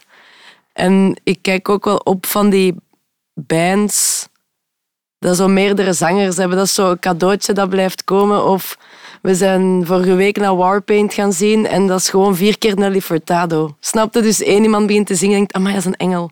Dan begint er nog iemand te zingen, amai, dat is ook een engel. En dan, ik, daar, daar geeft zoveel diepte aan een band soms, dat er nog de keuze is van, ah ja, nu gaat die ook zingen. Of, want een stem kleurt gewoon hoe dat, je- of dat je dat nu wilt of niet. Ehm, dus ja, voilà, ik ben voor Emma gegaan. Ik was aan het twijfelen tussen Emma en Dolores van The Cranberries. Ja. Maar ik dacht, ik zou graag hebben dat veel mensen toch Emma Root opzoeken. Want Zombie kennen waarschijnlijk veel meer mensen dan dat ze Emma Root kennen. Mooi. Mooie lans gebroken. Misschien is iets opzetten van Emma Ruth Rundle. Selfish So that they dearrange the shadows of my name Mocht eh, wat I Beetje skippen. Ja, een beetje verder. Tweede refrein gaat ze een octaaf hoger. Dus het is niet enkel dat zachte en dat mooie en dat breekbare, maar...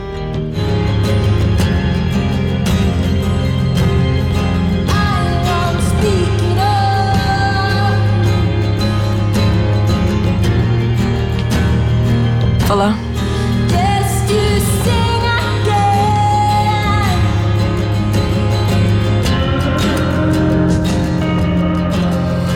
Ik heb echt kiekenvlees. Nice. Ja, in hetzelfde straatje als Chelsea Wolf ook. Hè. Ze Ja. hebben samen ook een nummer gemaakt. Eh, Ja. Ja, ik vind zelf ook een geweldige artiest. eh, Emma Ruth. Dark Horse is ook zo'n nummer dat, dat altijd blijft plakken aan mijn lijf en dat ik altijd wel eens opzwier. Maar dit is ook een heel prachtig nummer. Dus op zang dan, Emma Ruth? Of, Ja. of gitaar? Want ze doet beiden inderdaad. Eh, zang. Ehm, ik heb het wel voor zangers of zangeressen die heel specifiek klinken. Alleen, ik geloof ook, of ik, de beste nummers of bands zijn voor mij waarvan iedereen heeft 100% ja of io. Alleen zo, dat doet iets. Je zet voor zij- of je zet tegen. Ja. Of dat nu Bjork is, of dat dat nu Iron Maiden is, dat is vanaf het moment dat de zang zijn intrede doet, weet, voelde het aan uw buik of ja of nee. En Emma hoort bij mij, is voor mij sowieso ja, maar hoort ook bij dat type muzikant van smaak of van klankkleur. Of, ah, voilà. Ja, zou ze het weten dat je zo'n grote fan bent van haar? Eh, ja. Want, Ja? ja? zeker. Eh, en ze is ook heel nederig. Want we hebben haar ontmoet, we hebben wel samen gespeeld, hetzelfde label. Ehm, ja, dat, ik was wel onder de indruk. En ja, heel humble. Dat is echt, daar kunnen heel veel mensen heel veel lessen van trekken of zo. Dat, dat de kunst staat van boven. Het is echt een artiest eigenlijk. Ja, dat Meer dan muzikant. Ja. Je hebt zo mensen die op de grens zitten zo, van zijn de muzikant of spelen muziek of zijn de alles wat gaan doen zij op een andere manier aan het bekijken, dat het meer kunst wordt. En, en Emma is daar, ah ja, niet als je een gewone song hoort, maar als je schildert ook en zo, als je dat allemaal samen bekijkt en, en dan mee babbelt en weet hoe dat ze is, dan eh, neigt dat wel naar de, ja, naar de kunstkant. En ik denk dat als in de toekomst gaat doen, dat dat zeker ook eh, meer naar de kunstkant is. Dus ook heel veel piano solo, speelt ook met band, wisselt heel veel af. Dat is echt zo'n manier van denken, eerder dan we maken liedjes of we spelen shows. Dat is echt anders. Ik heb zo'n gevoel dat als er iemand ooit voor eh, een collab gaat vragen, het is Emma Ruth Rundle, dat jij meteen ja gaat zeggen. Ja, maar ik ga wel triangel spelen. Ik Zij mag zingen. ik ga niks doen met zingen. Ook niet proberen als ze het echt lief zou vragen. In de verte met 300 kilo reverb misschien. En voor u, Jens, zo'n samenwerking met Mastodon, denk ik ook wel dat je direct ja zou zeggen. Eh, ja, als het echt moet. Ja. Eh, ik heb niet altijd zoiets van mijn favoriete bands dat ik daarmee wil werken. Of zo. Nee, dat, dat, dat heb ik totaal niet. eh. ik vind dat heel tof om dan nog af en toe een fan te kunnen zijn. En dat dan niet... Ja, dat Doorprikt wordt. Exact, ja. Als je op de andere kant van alles gewoon bent, van het tour en weet ik veel. En ik hoef sommige mensen niet te leren kennen. Zoals bij Metallica, ik heb die een handje geschud, beetje small talk, maar meer moet dat nooit zijn voor mij. Want ja, ik wil, ik wil nog wel een fan blijven. Ja, Ja, ja zalig. Ja, nice. Ja, mooie toevoeging wel aan onze beste band ter wereld. Volgens Zware Klap, want er komen nu dus Mm. bij op drums eh Brand Daler van Mastodon en op zang Emma Ruth Rundle. Eh, Ik vind het altijd wel jammer aan deze rubriek, als Ja? ik luister, dat je nu niet zoiets hebt en het klinkt zo. Ja. Dat, Ah, ja. AI kunnen we ja. Die namen invoegen, een of andere AI. eh, AI kan dat Ah. waarschijnlijk wel. ja. Ja, maar we zijn nog maar net bezig, Jens. Ik vind dat al wel een heel goed idee. Misschien moeten we daar toekomstgewijs al wel eens over We nadenken. gaan ons contentteam daarop zetten. En moet jij ook zo'n foto ook maken en die daarin photoshoppen? Nee, zeker, geen probleem. Oké, ah, kijk. dat kan wel. Maar de sound is... Nou ja, dat wil ik echt weten. Zo, ah, dat, dat, is, dat is jammer. Dat- dat- Regelt dan maar dat dat lukt. eh. ik wil het echt weten. hè. Had toch iemand een Oasis nummer gemaakt dat nooit bestaan had, maar dan toch ook met AI Ah, ja. Maar ja, nu, er is een AI metal band ook, die mij onlangs gevraagd hebben om voor hen te werken. Dus dat is geen niet bestaande band. En die muziek is volledig gegenereerd door AI. Eh, en die hebben honderdduizenden YouTube-hits. en Noemen ze Sleep Token? Ik wou het Nee, nee, nee. Nee, want die hebben we in het echt gezien. Dat Nee, is, want dat is het is- niet zo. Ja, dat is Regula, wel, eh, want Regula had dat ook al wel gedacht. Hè, want de gast van de tweede aflevering van Sleep Token is AI. En, en eh, er zal, ja, het bestaat dus wel degelijk, maar het is niet Ja. Sleep Token. Dus ze, noemen, ze heten eh, Frostbite Orkings, als je het eens wilt opzoeken. Dat is voor de playlist. Het is eh, gebaseerd op Amon denk ik. Oké. Maar het is, er is niks door mensen aangeschreven. Frostbite, hoe? Orc Kings, O- ORCK. Klinkt als super. Is- Vierde episode van de Hobbit. Als Ja, ja, En ze klinken en ze zien eruit exact zoals dat je denkt dat het is.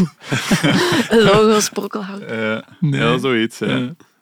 Ja. Oké, ja, de band. Hoe ziet, ze- hoe ziet hem er dan in zijn geheel uit? Peter, nog een klein Eh, overzichtje. Eh, oh ja. Ehm, dus op bas Nicole Steel van True Widow, op drums Brand Daler van Mastodon, Frank Zappa op gitaar en Emma Ruth Rundle op zang. Voilà, en die En, kunnen en allemaal die een beetje stemmen, zingen. Die drie stemmen, dat is wel goed. Dat is Nu zalig. hebben we toch, drie, allee, toch meerdere stemmen, dat is wel supergoed. Nu, oh, nog grap, op eh, Downloadfest moest Quar spelen, die ook hun kostuums en hun dingen, die moesten na ons op hetzelfde podium, dus wij stonden daar te wachten. Gelukkig ik- na jullie. Ja, maar ze konden niet... Ja, ze hadden wel heel het podium ingenomen met een drumriser en zo, maar dat maakt niet uit. Maar ze konden niet spelen, want hun pakken zaten vast op de luchthaven. Ze hebben een, een dag later gespeeld. Oh, dus zonder nice. kostuums konden die mannen niet spelen. En ik snap het ook wel bij Quar. Dat moet ook grappig zijn voor bij de mensen bij verloren voorwerpen, dat die pakken zien Ja. toekomen. Zoiets van, ja, wat de fuck is dit? Ja. Ja, Ja. ik, heb, ik heb het alleen maar op video gezien. Oké, yes. eh, dat was weer de beste band ter wereld volgens Zware Klap. We blikken nog eh, samen met jullie vooruit natuurlijk naar de, de festivalmaand eh, die juli toch wel is. We hebben er een paar Belgische festivals uitgepikt eh, om eens naar vooruit te blikken. Eh, zijn de Hyper Hardcore Fest in Hyper, Doer Festival in Doer, Rock Herk in Herk de Stad en Boomtown op de Gentse feesten. Want dat zijn toch allemaal wel affiches om duimen en vingers bij af te likken of toch waar iets over te zeggen valt. Eh, misschien starten met Hyper Hardcore Fest. Want Peter, Jij hebt ja, eigenlijk niks met Ieper, want je bent een campenboy. Jawel, ik heb veel met Ieper. Ja, toch? Op welke manier dan? Op, eh, mijn lief is van Ieper. Aha. De vrouw van mijn leven. Zijn duivin. Mijn, duivin. Eh, Annelies is van Ieper, eigenlijk van Poperingen. Eh, maar haar ouders wonen nu in Ieper. En die, eh, eh, ja, die heeft... Ja, ik was van de camper, dus ik ben Hageland, Funtime, die regio. En zij was Poperingen, Ieper, 8000. eh, dus ik was eigenlijk de punkrocker. Want zo gaat, was het dan in de jaren 2000. Jens kan het bevestigen. Je had in het Hageland hadden de, de punkrock en dan eh, in West-Vlaanderen hadden de hardcore. En daar zaten de cool kids en wij waren de punkrockers. Zo, zo ging dat toen. En eh, toen ik haar leerde kennen was dat zo een gemeenschappelijk ding. Van eh, ja, muziek is sowieso vind ik in een relatie wel, als je ergens klikt op muziek, is dat wel, wel leuk. En zij had een hele history in de, in de hardcore. En eh Hyper Hardcore Fest, we hebben er zelf nooit gespeeld. Ik ben er zelf ook nooit geweest. Even de datum, het is 7, 8 en 9 juli. Ehm, en de bands die er spelen, zijn ook niet de bands die ik meteen supergoed ken, maar toen ik dat gisteren aan tafel zei, zegt, zei Annelies, natuurlijk, Sheer Terror, dat is een mega vette band. Dus voilà, Sheer Terror speelt daar, eh, Nasty speelt daar, Killing Time. Eh, en ook de band die mij wel iets zegt, ik hoop dat ik het juist eh, uitspreek, is Abinanda. Dat is een hele... Voor mij was dat... Ik kende die band van heel vroeger, een keer gehoord, omdat Get Refused, wat in dat genre wel in hardcore wel een speciale band is geweest, of nog altijd is, of ja, nu niet meer is, maar vroeger wel was. Eh, en Abinanda, als je dat opzet, dat lijkt eigenlijk keihard op Refused. En ik heb dan wat navraag gedaan, beginnen opzoeken en zijn allebei in 1992 begonnen en eerst een demo uitgebracht. En mij hadden ze ooit gezegd, Refused heeft alles gepikt van Abinanda. En Abinanda is nooit doorgebroken en Refused dan weer wel. Ik weet niet dat dat waar is, dus als je dat weet, dan mocht je mij dat... Als je in 92 al in de scene zat, waar ik niet in zat, dan moet je dat doorsturen naar onze mailadres. Eh, maar ik wil dat wel even opzetten, omdat we ook wat muziek eh, willen laten horen. En dat is...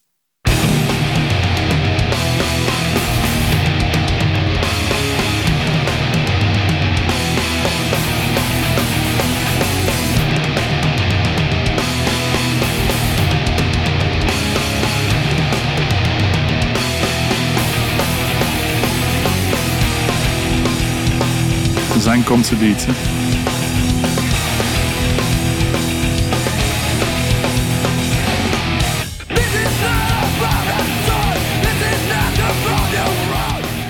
Ik voelde de Refused vibe wel. Ja. En dan dacht ik vroeger dat Refused uniek was en, en een unieke band in het genre, maar dat is dus... Eigenlijk Abinanda was er al. En, ja. Ik kan nog wat bands afgaan. Sheer Terror, die eh, ook speelt op Hyperfest.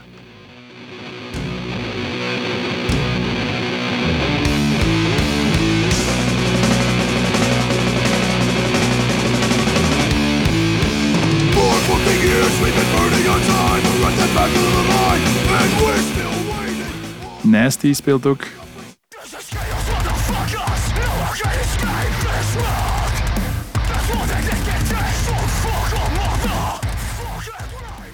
Voilà. En ehm, om de line-up compleet te maken, ik had vorige, al ja, bijna compleet, staan veel, veel meer bands eh, die allemaal de moeite zijn om te checken, want die hele hardcore scene die is wel echt aan het opleven of zo. Daar misschien zelf iets over zeggen. Ehm, maar ik had vorige keer al gezegd dat Circle, de Belgische band die ik wel volgde, omdat ze wel uit het Hageland kwamen, eh, back in the 90s, die spelen daar ook. Ik heb daar vorige keer denk ik geen nummer van laten horen, ik weet het niet meer. Ik ga het nu wel doen. En eh, dat is van Radio Station Infiltration. eh, een van ja, mijn favoriete nummers van Circle.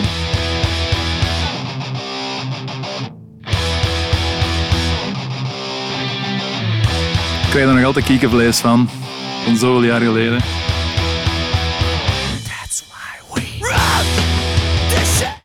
Voilà, staan ook op Rockherk, staan ook op Hyperfest. Eh, dus ja, die, dat is zo'n beetje mee aan het gaan in de revival van, van de, de hardcore scene of zoiets. Zoals ik ze durf noemen.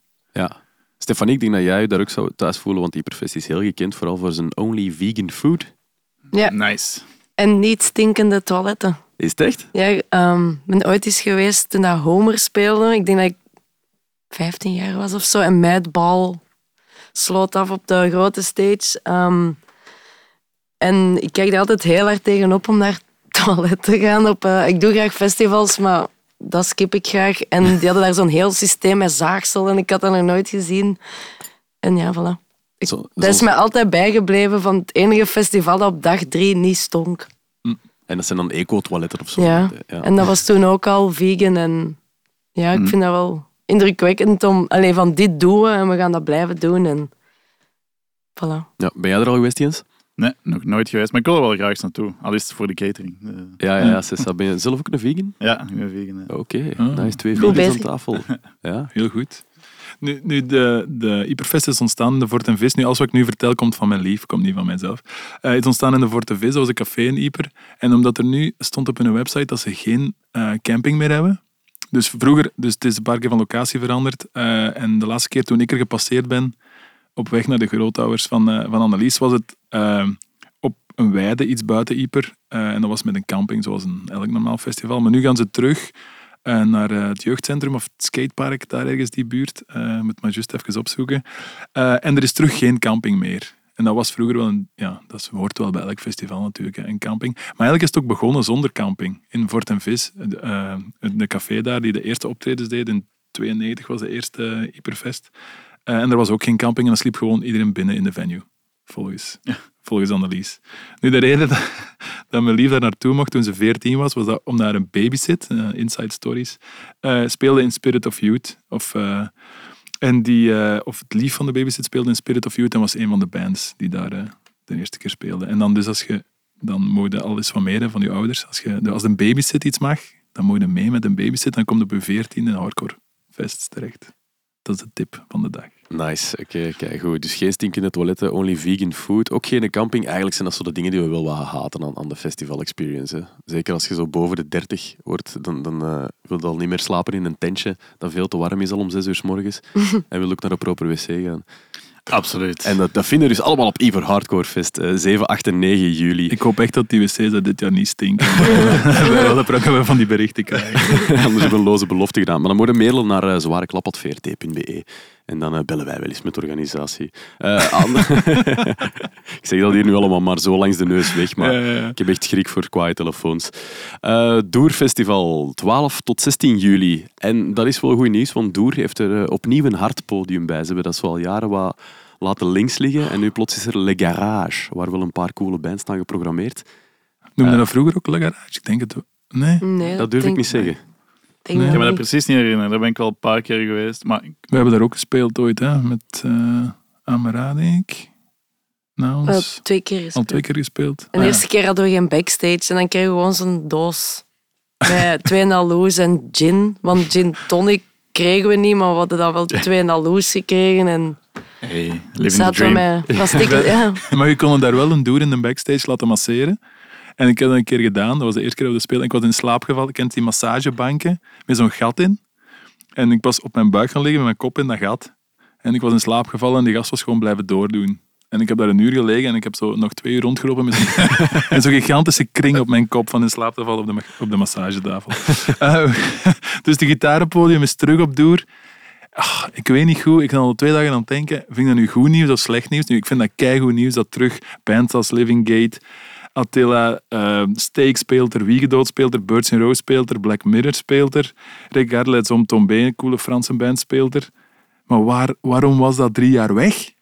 Dat, kan, dat, dat vind ik dan niet zo cool of zo. Sorry, Doer, maar eh, ja, eh, ja, voilà. Waarom is dat al drie jaar weg, die harde stage? Want wij hebben er gespeeld en dan ineens was het zo, ah ja, geen gitaren meer op ons festival. En nu heb ik gelezen dat het een tent is van duizend man. Nu kan ze wel zeggen, die is te klein voor al die bands. Hmm. Dus ik hoop dat daar heel veel volk gaat zijn en dat die daar alles gaan afbreken en dat ze weten dat ze volgend jaar toch een echte tent moeten zetten voor de, voor de gitaren op Doer. Voilà, dat wil ik even zeggen. Voilà, goed gedraaid inderdaad. Terug naar een positieve boodschap. Het zijn echt wel hele coole bands, dus ik zal er ook gewoon los naartoe gaan. Eh, ik weet dat wij er ook voor gevraagd geweest zijn. Ze hebben wel eens liggen polsen, maar ik denk dat het voor volgend jaar zal zijn. Ja, Dat sta ik uit. Ja. Ik hoop dat wij er ooit ook terug spelen, want het is wel een fucking legendarisch festival. Ik denk dat we allemaal zeker. wel een Doer... Doer Mm. Wij hebben er een keer wie gezien? So Watch You From Afar. En het was een hittegolf. Ik denk 44 graden in de tent. En die bleven gewoon springen en in de trussen kruipen. En dat het was zo goed gespeeld. Ik was, ja, dat was, ja, ik weet, ja, dat was heel goed. Ik Dat was, zwaar onder de show, indruk. ja. En dat was hetzelfde jaar dat die, sorry dat ik je onderbrak, dat we op, ehm, dat ze ook op Dunk stonden, denk ik. So Watch You From Afar, ook met Steak Number 8 toen nog. En die hebben twee keer een, ja, ik heb twee keer echt eh, tien vliegen gegeten, denk ik. Gewoon met mijn mond open staan kijken van, hoezo, ik moet nu naar huis en gaan studeren. Ja, dat is wel cool. Ik weet nog wel, mijn eerste ervaring over Doer, dat ik gelezen had, dat was zo wel dat daar mensen van rotsen sprongen in water en dat die zo... Ja, maar is iemand overleden Ja. en dan Was dat ook gedaan? Dat is dan het verhaal dat aan het festival Het enige wat ik weet Ja. over doe is veel drugs. Maar ja, ik doe geen drugs, dus ik Ah, weet daar verder, verder niet veel van. Het is aan ons om te ontdekken van 12 tot 16 juli op tour of het nog steeds zo is. Mag ik nog twee bands daarvan? eh, ik ga twee bands kiezen op mijn playlist. Living Gate. Eh gaan we het misschien even helpen met de juiste line-up, maar het komt uit Wiegedood, Outbreaker, Amara en de bassist van Job, denk ik. Of iemand van Job erbij. Ehm, Living Gate.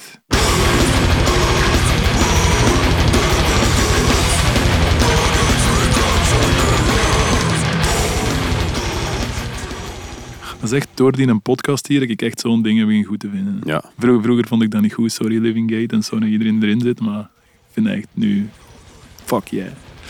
En wie speelt er nog? Ja, even, eh, ja wie gedood? Eh eh, Birch and Row, ga ik eruit pikken. Steak ga ik straks doen. Ehm eh, een hele coole Franse band. Eh, en wij zijn op tour geweest met de bassist, hè, Bassist. die iets helemaal iets anders maakt.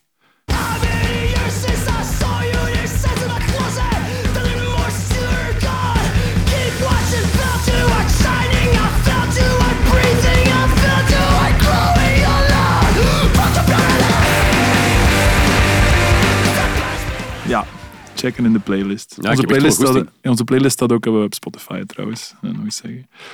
Eh, volgend festival? ja dat zijn wel al twee harde, harde festies hè, in juli. Dat is mega nice. Hyper Hardcore Fest en Door Festival. En het volgende op de lijst is eh, Rock Herk. Ja. ja. Wil ik ook wel even in de bloemetjes zetten. Eh 14, 15 juli dit jaar. En die zijn zo'n paar jaar geleden over kop gegaan. Helemaal failliet. En dan hebben die aan de mensen gevraagd om hen te steunen. Een soort van crowdfunding campagne. En iedereen dat toen gesteund heeft, die mag nu tot op de dag van vandaag elke editie gratis komen. Dus dat is eigenlijk zo'n beetje...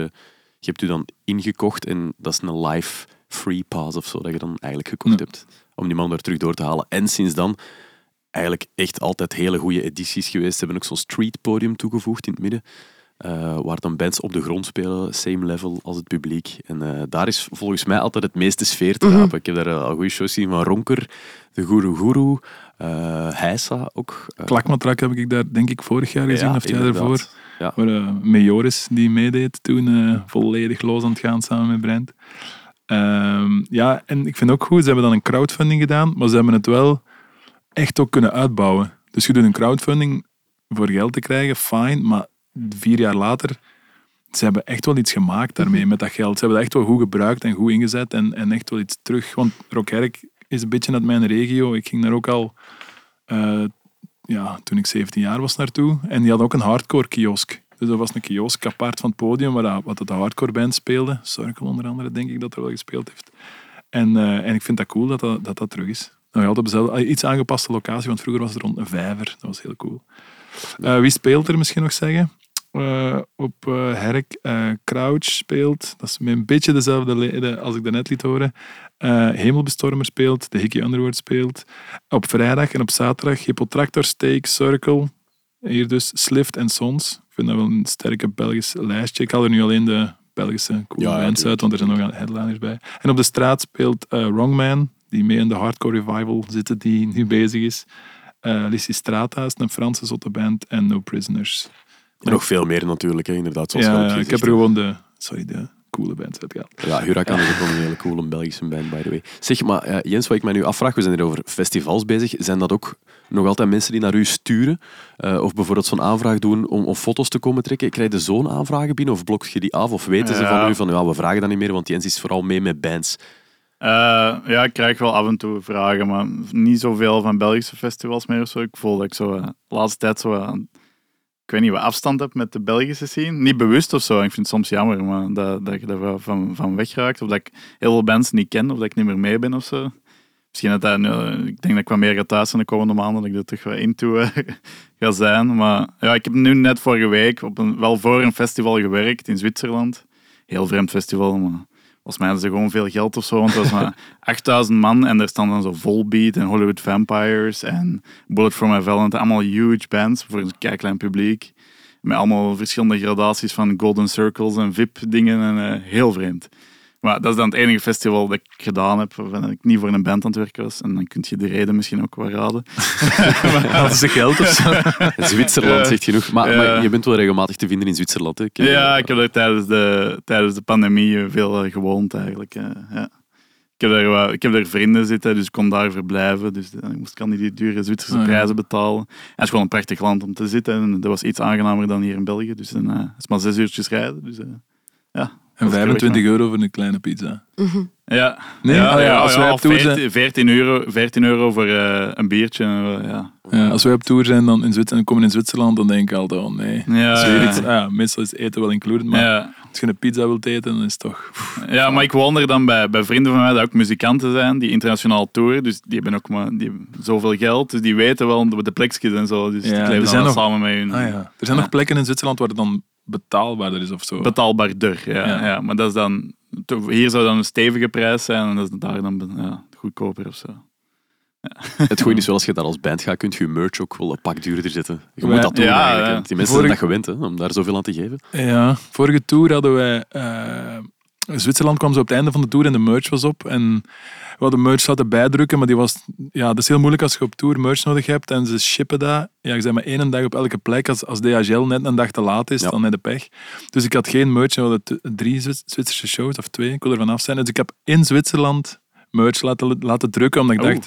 Ja, beter een shirt, die we dan met nul winst kunnen verkopen, dan geen shirts. Want ja, Jens, ik zie, maar je moet direct gedacht zijn. Want ik denk dan, ja, Ja. voor Brutus toch, er loopt daar nou nu wel 100 man rond met Brutus op zijn shirt, terwijl het die anders niet. En je moet eens raden, misschien heb ik het al gezegd, ah, hoeveel per shirt, ik heb 100 shirts laten drukken, met voorkant en achterkant wit, hoeveel dat dat per shirt was om, om te drukken, wat dat kost heeft. Ah, de kost. 20 euro. Ja. ja. 25 per shirt. Oh. 20, jezus. 2500 euro voor 100 shirts. Ja. We hebben ze dan verkocht aan 30 of 35, ik wil er vanaf zijn, maar dat zijn de Zwitserse prijzen. En ja, Ja. dat kost heel veel geld. Het was Ja, ook wel zo binnen de twee dagen en zo. Dat is een ding bij toerende bands, om, eh, als je merch meeneemt over de grens. Dan wordt dat ook, ik ga geen namen noemen, altijd van achter in de camion gestoken, dat er keihard voor zit. Dat is Ja. niet... Goed verstopt. De drukken voor niet-EU-landen te toeren. Ja. Ja. Maar, maar als dus, om even terug te komen op de festivals, als die u een mailtje sturen, heb je daar überhaupt interesse in om daar te gaan staan een godganse dag en al die bands te fotograferen en dan u... Eh, nee, liever niet. ik vind het iets leuker om te focussen ook op één band en dan te denken, wat kan ik daarmee doen? En dat je, zoals ik nu net gedaan heb, tien bands op een dag moet doen. En ah, dan, dan voelt het echt wel als bandwerk of zo. Eh, en ik vind het wel tof om op één band te focussen en mee in die vibe te gaan. En, en ik, ik werk ook graag met een band waar ik een connectie mee heb en de band goed ken. En dat is allemaal belangrijk, dat die zich ook, ook op hun gemak voelen. Dat weten jullie ook wel, van als er iemand met een camera rond je loopt. Als dat iemand is dat je vertrouwt en kent, dan, dan gaat je veel toffer materiaal hebben dan... eh, En dan Ja. merk je niet meer dat die er is op de duur. ja, voilà. Terwijl Dus als er iemand anders loopt, eh, we spelen dit weekend op Rock in Bourlon en er, de organisatie had gevraagd, mogen we het filmen? En we hadden dan een lang verhaal, alles oké, maar die, dat meisje met die camera stond echt op het podium Mm. ertussen. Dat was constant dat ik in mijn ooghoek zoiets voelde tijdens spelen van hier is iets, hier is iemand, hier, hier hangt iemand. En je hebt dat dan toegestaan, je kunt ze niet meer wegjagen. Dat Ja, dan- zeker wel. Ja, ik heb, we hebben het Ja. niet gedaan, maar wel, dat heb ik pas nog gedaan. eh, Ja. Een ander verhaal. eh. Hoe is dat voor u, Stefanie, op podium? Fotografen en videografen en zo. Ja. Ehm, Heb je zo regeltjes ingebouwd van tot hier en niet verder? Of, ja, mensen houden zich daar niet aan. Want op festivals maakt me dat niet uit dat ze daar met een lens staan van drie meter. Dat, dat hoort er gewoon bij. Eh, maar op shows tot 700 man staan je redelijk dicht nog altijd bij het podium. En dat zijn echt mensen die net niet hun selfie-stick tussen hun snare en hun hi-hat gooien. Dus dat is soms wel intens. Maar als het echt te ver gaat, dan geef ik dat ook wel aan. Dan ga ik niet wachten op een stage manager, want dat is ook flauw van kom eens naar hier. Dan, dan geef ik dat zelf aan. En we hebben zo'n regel, de eerste drie nummers. Omdat het is ook stom om gewoon te zeggen, niemand mag. Want ja, alleen, je moet wel iets geven of zo. Maar soms is het wel lastig. Om, om, ik kan niet een stap naar achter zetten, gelijk als je een gitaar vast hebt, dan, en iemand is je aan het irriteren, ja, fuck daar, en ga een beetje naar je amp of zo. En, maar het haalt me gewoon soms uit mijn ehm, concentratie, ja, ik weet niet. ja. Heb je echt u al eens geërgerd aan een fan? Dat, je- dat je zoiets had van, wow, deze is echt too much. Misschien ook na een show of zo? Of, moet, ja. moet wel verschil maken, denk ik, tussen, of net niet, Stef, tussen fans en, en mensen die daar echt zijn en die het Nee. gevraagd hebben van we hebben een Nee. fotopas, Ja, we mogen ja. de eerste drie nummers. Want dat is wel... Die Ja. zijn, dat zijn nooit die mensen. Als ik, het, als ik het heb over mensen die letterlijk zo aan het filmen zijn, dat zijn nooit die dat pas kunnen hebben. Hè. Dat is, Die, die kennen de regels wel, die een pas kunnen hebben. Die weten, die zijn duidelijk gebriefd van je mocht drie nummers of je mocht wel daar of wel niet. Het zijn dikwijls mensen met een led nog aan van hun... Ja, met zo'n lamp. En dan, dan sta ik daar zo, want ik kan wel bewegen. En dan, sorry dat ik overpak, Stef. En dan, dan zie ik dat Stefanie even haar neus moet snuiten. En dan zie ik haar naar links of naar rechts bewegen voor haar neus te snuiten. En dan zie je gewoon die led met die camera meegaan. Van, ah ja, ze moet nu haar neus snuiten, film. En dan terug naar daar. En dan... Ja, dan denk ik, wat doe je daar nog mee? Zit je echt Ja. thuis al die filmpjes van die shows opnieuw te bekijken? Ik weet dat soms niet. Ik denk dat dat misschien ook is om, omdat we zelf niet zo zijn. Gelijk, ehm, ik zou dat nooit niet doen. De shows bijvoorbeeld, ben naar Bon Iver geweest. Ik ben vergeten te filmen. Snap je? Of zo, om, omdat ik dat wil zien. En, Tuurlijk. en ehm, ik, ik kan dat ook nooit niet snappen, maar dat hoort er spijtig genoeg wel bij. Moesten we kunnen teruggaan naar wegwerp-Kodaks? Heel graag. Alleen maar dat gaat niet. Allee, dat, dat is niet meer zo. Tenzij dat we ooit groot genoeg zijn om te zeggen, nee. Gelijk wat dat er nu in nachtclubs gebeurt. Ehm, maar ja, voilà. Dat is eerder uitzonderlijk. En als ik me echt niet op mijn gemak voel, ga ik dat zelf... Ik kan dat echt zeggen op een niet denigrerende manier van... Het is oké, hè? Ja, Allee, moet dat niet, moet niet iemand wegduwen, hè? Nee, nee, nee. nee, nee. En nog wel beschaafd blijven zeggen. Oké. Zeker. Ja, laatste groot festijn dat op onze agenda staat in juli is eh, de Gentse feesten. Van 14 tot 23 juli. Ja, jullie wonen allebei in Gent, Stefanie en Peter. Ja, Eh, al veel Gentse feesten meegemaakt? ja. Toch wel. Ja? Je kunt daar niet rond ook niet. Jullie zijn zo met gezichten aan het zien van... Daar ja, gaan we niet te veel over vertellen. worst hangovers ever of zo? Nee? Nee, zo Maar het is niet dat... we- Ik, ik doe zelfs niet per se meerdere avonden, maar één avond... allee, moet ik wel drie weken van recupereren. En ik ben er juist aan denken, vorig, we vorig jaar moesten we videoclips maken omdat de plaat uitkwam. We hebben één video van Victoria geshoot op de Gentse feest op de laatste avond. Als ze om zes uur of nee, om Negen uur was negen het. uur de Vlasmarkt leegkeren. Dan komt Ivago echt, dat zit ook elk jaar in het nieuws, maar dan komt Ivago echt met trucks. De laatste mensen van, en wij stonden daar met zo wat borden voor onze videoclip. Eh, dat was heel cool. Eh, maar waarom dat het hier zit, is niet voor de Vlasmarkt, maar voor eh, Boomtown. Die ook elk jaar wel een dag hebben of twee dagen dat ze hardere bands zetten. En dit jaar speelt Steak daar. En Slow Crush. En Doodseskader, Peuk en Meltheads, denk ik, dat daar allemaal staan. En dat is ook gratis, als ik me niet vergis, elk jaar op, eh, de Kouter. Het enige probleem dat daar is, waarom dat we toch wel eh, eh, even willen droppen, is dat de decibellimiet. Dat is dus in het midden van Gent, eh, op de Kouter, tussen de huizen en ja, 94, 96 dB of 96, zoiets. denk ik. 96 decibel is echt, een snare is 100 of 102 decibel, dus 96 decibel voor een luide band, om maar even uw punt te gaan maken, is wel niet gemakkelijk. En ja, dat, ja, dat die is altijd een ding aan Boomtown. Een goede geluidsman en het systeem wordt ook ingeregeld door onze geluidsman. Dus dat komt allemaal goed. Maar toch is het elke keer dat je zo shit, Boomtown. Fuck. En dat helemaal in het begin van de podcast gezegd dat ik nog een verhaaltje had van Download. Dus eh, Download Festival in Engeland, in het midden van, eh, eh, van de weides eigenlijk, van de velden. Holy Nottingham, Ground. denk ik. Ja, echt zo het midden van Engeland. En wij, we hebben klaar met onze show even naar Architects gekeken, ingepakt en vertrokken. En we vertrekken en je pakt daar zo van die slingerweggetjes, typisch door de heggen zo. En het eerste huis dat we tegenkomen, zegt in één keer iemand in de bus, kijk, daar staat er een met een dB-meter. Dus Architects was op dat moment aan het spelen en zo na tien minuten rijden, het eerste huis, stond iemand met een dB-meter. Met de mes uitleggen. En dan achteraf, we werden nog, had ik ergens gelezen dat door Metallica geklaagd werd dat het te luid was of zoiets. Dan moeten mensen uitleggen dat ze in Kiewit of in Herk de Stad of in Gent, als je daar band zet, ja, dat is sowieso te luid. En in Gent gaan ze dan naar 96 decibel, maar die mensen die daar rond wonen, de eerste kilometer, die liggen ook wakker s'nachts. Dat gaat niet anders. Maar in Downloadfest stonden ze met de, met een dB-meter te meten bij het eerste huis. Ja, Ik vond dat wel die zal verslag moeten En uitbrengen dan uit de bellen zo, organisatie. ja, stiller. En Fader, fader wat minder. Ja, de bassen zijn te luid, fader wat minder. Voilà. Nu over Boomtown nog, eh, de datums misschien. 16, 17 juli. Ja, voilà, van heel die Eh, Gentse Ergens feesten midden van de Gentse feest. Ja. Voilà, 16, 17 moet je die zeker highlighten. Ja. Ja. En de Kinky Star, hè, dat zit dus eh, ook ergens in Gent. En ik heb gisteren gezocht naar hun programma, want ze hebben ook elke dag coole bands staan. Het programma staat op Facebook, eh, maar er zijn nog geen bands ingevuld. En dat is ook typisch Kinky dus dat is pas binnen, dat is binnen wanneer is het Gentse feesten? Binnen twee weken. Ehm, en ja, heel veel coole dingen. Er is een Night of the Metal Breakdown. Er is Oorpijn doet iets. eh, Go Boom doet iets. eh La Zone doet iets. Dat zijn de walen die afkomen. Consoling doet iets.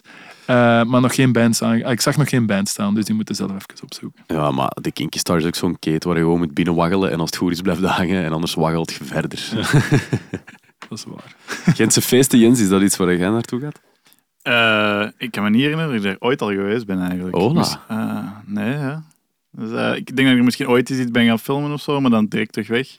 Maar ik snap, Maar, ja, ik snap ja. het ook wel, want het heeft misschien ook wel zo toeristen Gent is overspoeld door zatlappen vibe zo. Ja, Eh, maar wij proberen er dan toch de coole dingen uit te halen en dat is Boomtown en eh ja sowieso. Ja. Klinkt wel echt nice.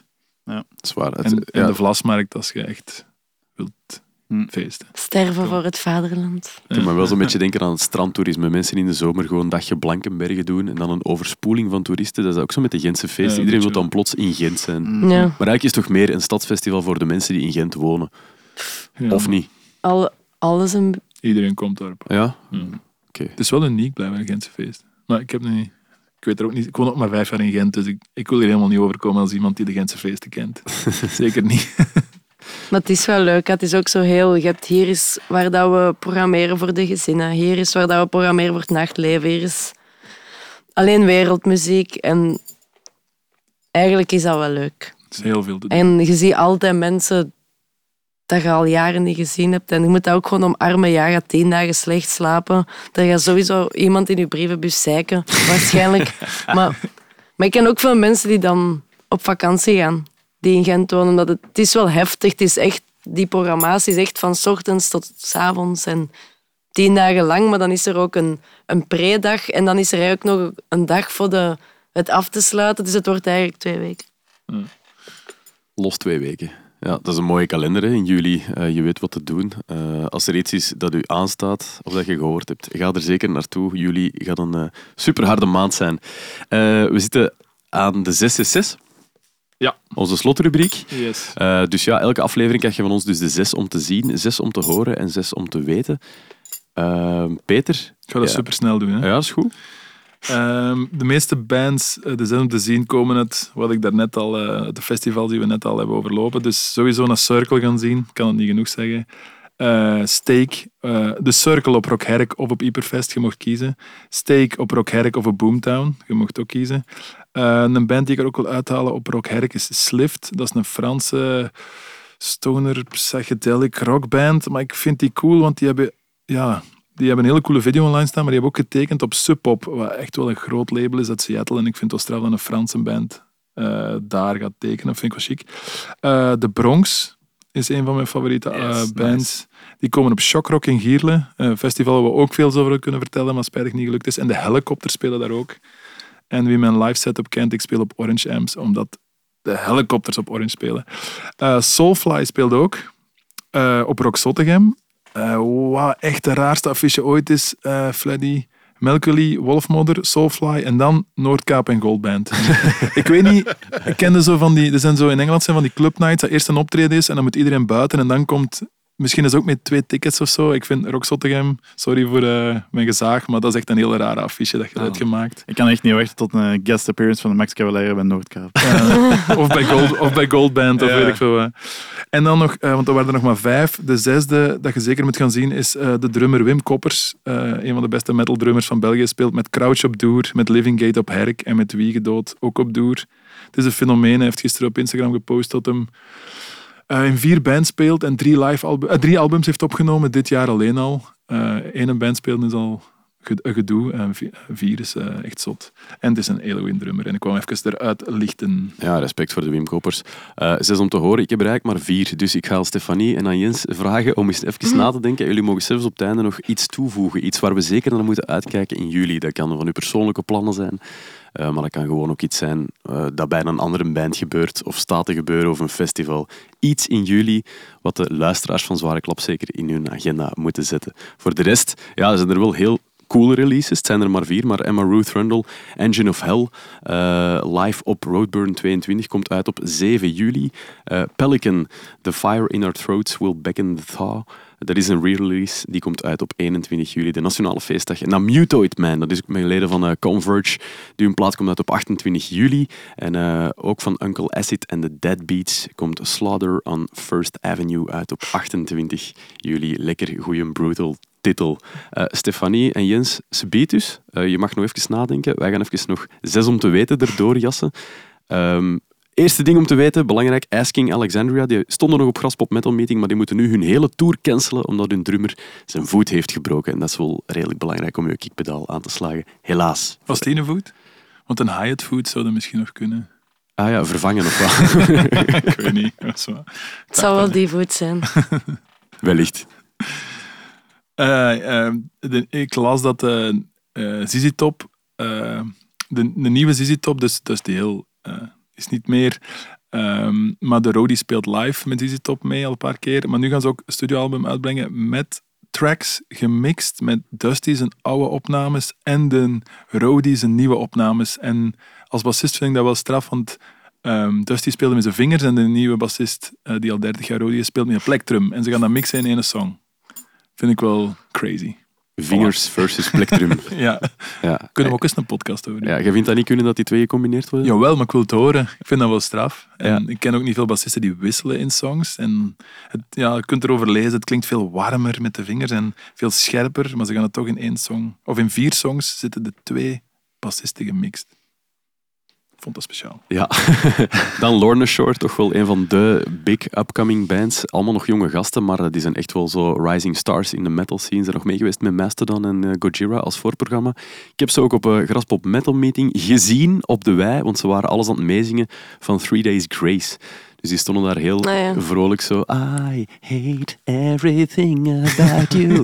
en om die mannen dat te zien doen, die Will Ramos, zo, die legendary vocalist, die echt de zotste throat ter wereld heeft, misschien wel.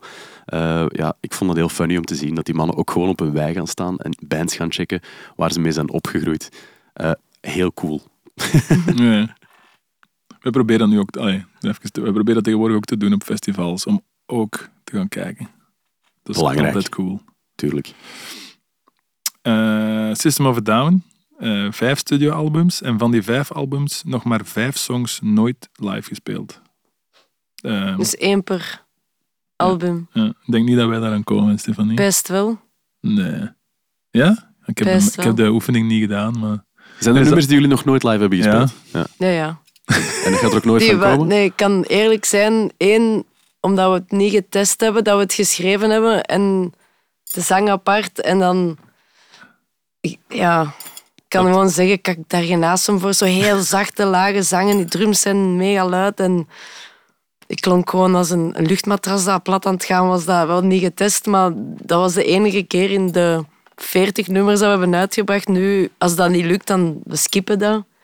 Maar toen was dat ja gelijk, ah ja, dat is wel cool. En het werkt niet for a reason. Ehm, en nummers van de eerste plaat, dan misschien... Ja, ik weet het niet. Maar misschien ooit. Ik denk dat er meer van vijf zijn, toch? Ik ga de oefening eens maken. Straks in een auto naar huis. Jens, mij of de Cross, alles live gespeeld al? N- Nee. Maar ook vooral omdat we een plaat hebben uitgebracht en dan drie keer gespeeld. En, eh, Ah. dan, eh, dat was het dan. Maar eh, ja, misschien komt dat nog. eh. Ja, ik voel daar toch nog zo'n kleine reunie. Want je hebt daar straks... Maar we zijn niet gestopt Voilà, eigenlijk. dat dus gewoon de ijskast. En ik heb nu wat vakantie eraan komen in juli, want het is een rustige maand voor mij. Eh, en denk, ik mis het wel om te spelen, mis ik niet echt, maar om te schrijven en dingen te maken mis ik wel enorm. Dus eh, dat ga ik op zijn minst wel proberen doen. Voilà, ah, wel, dan duw ik jullie gewoon bij die zes om te horen straks.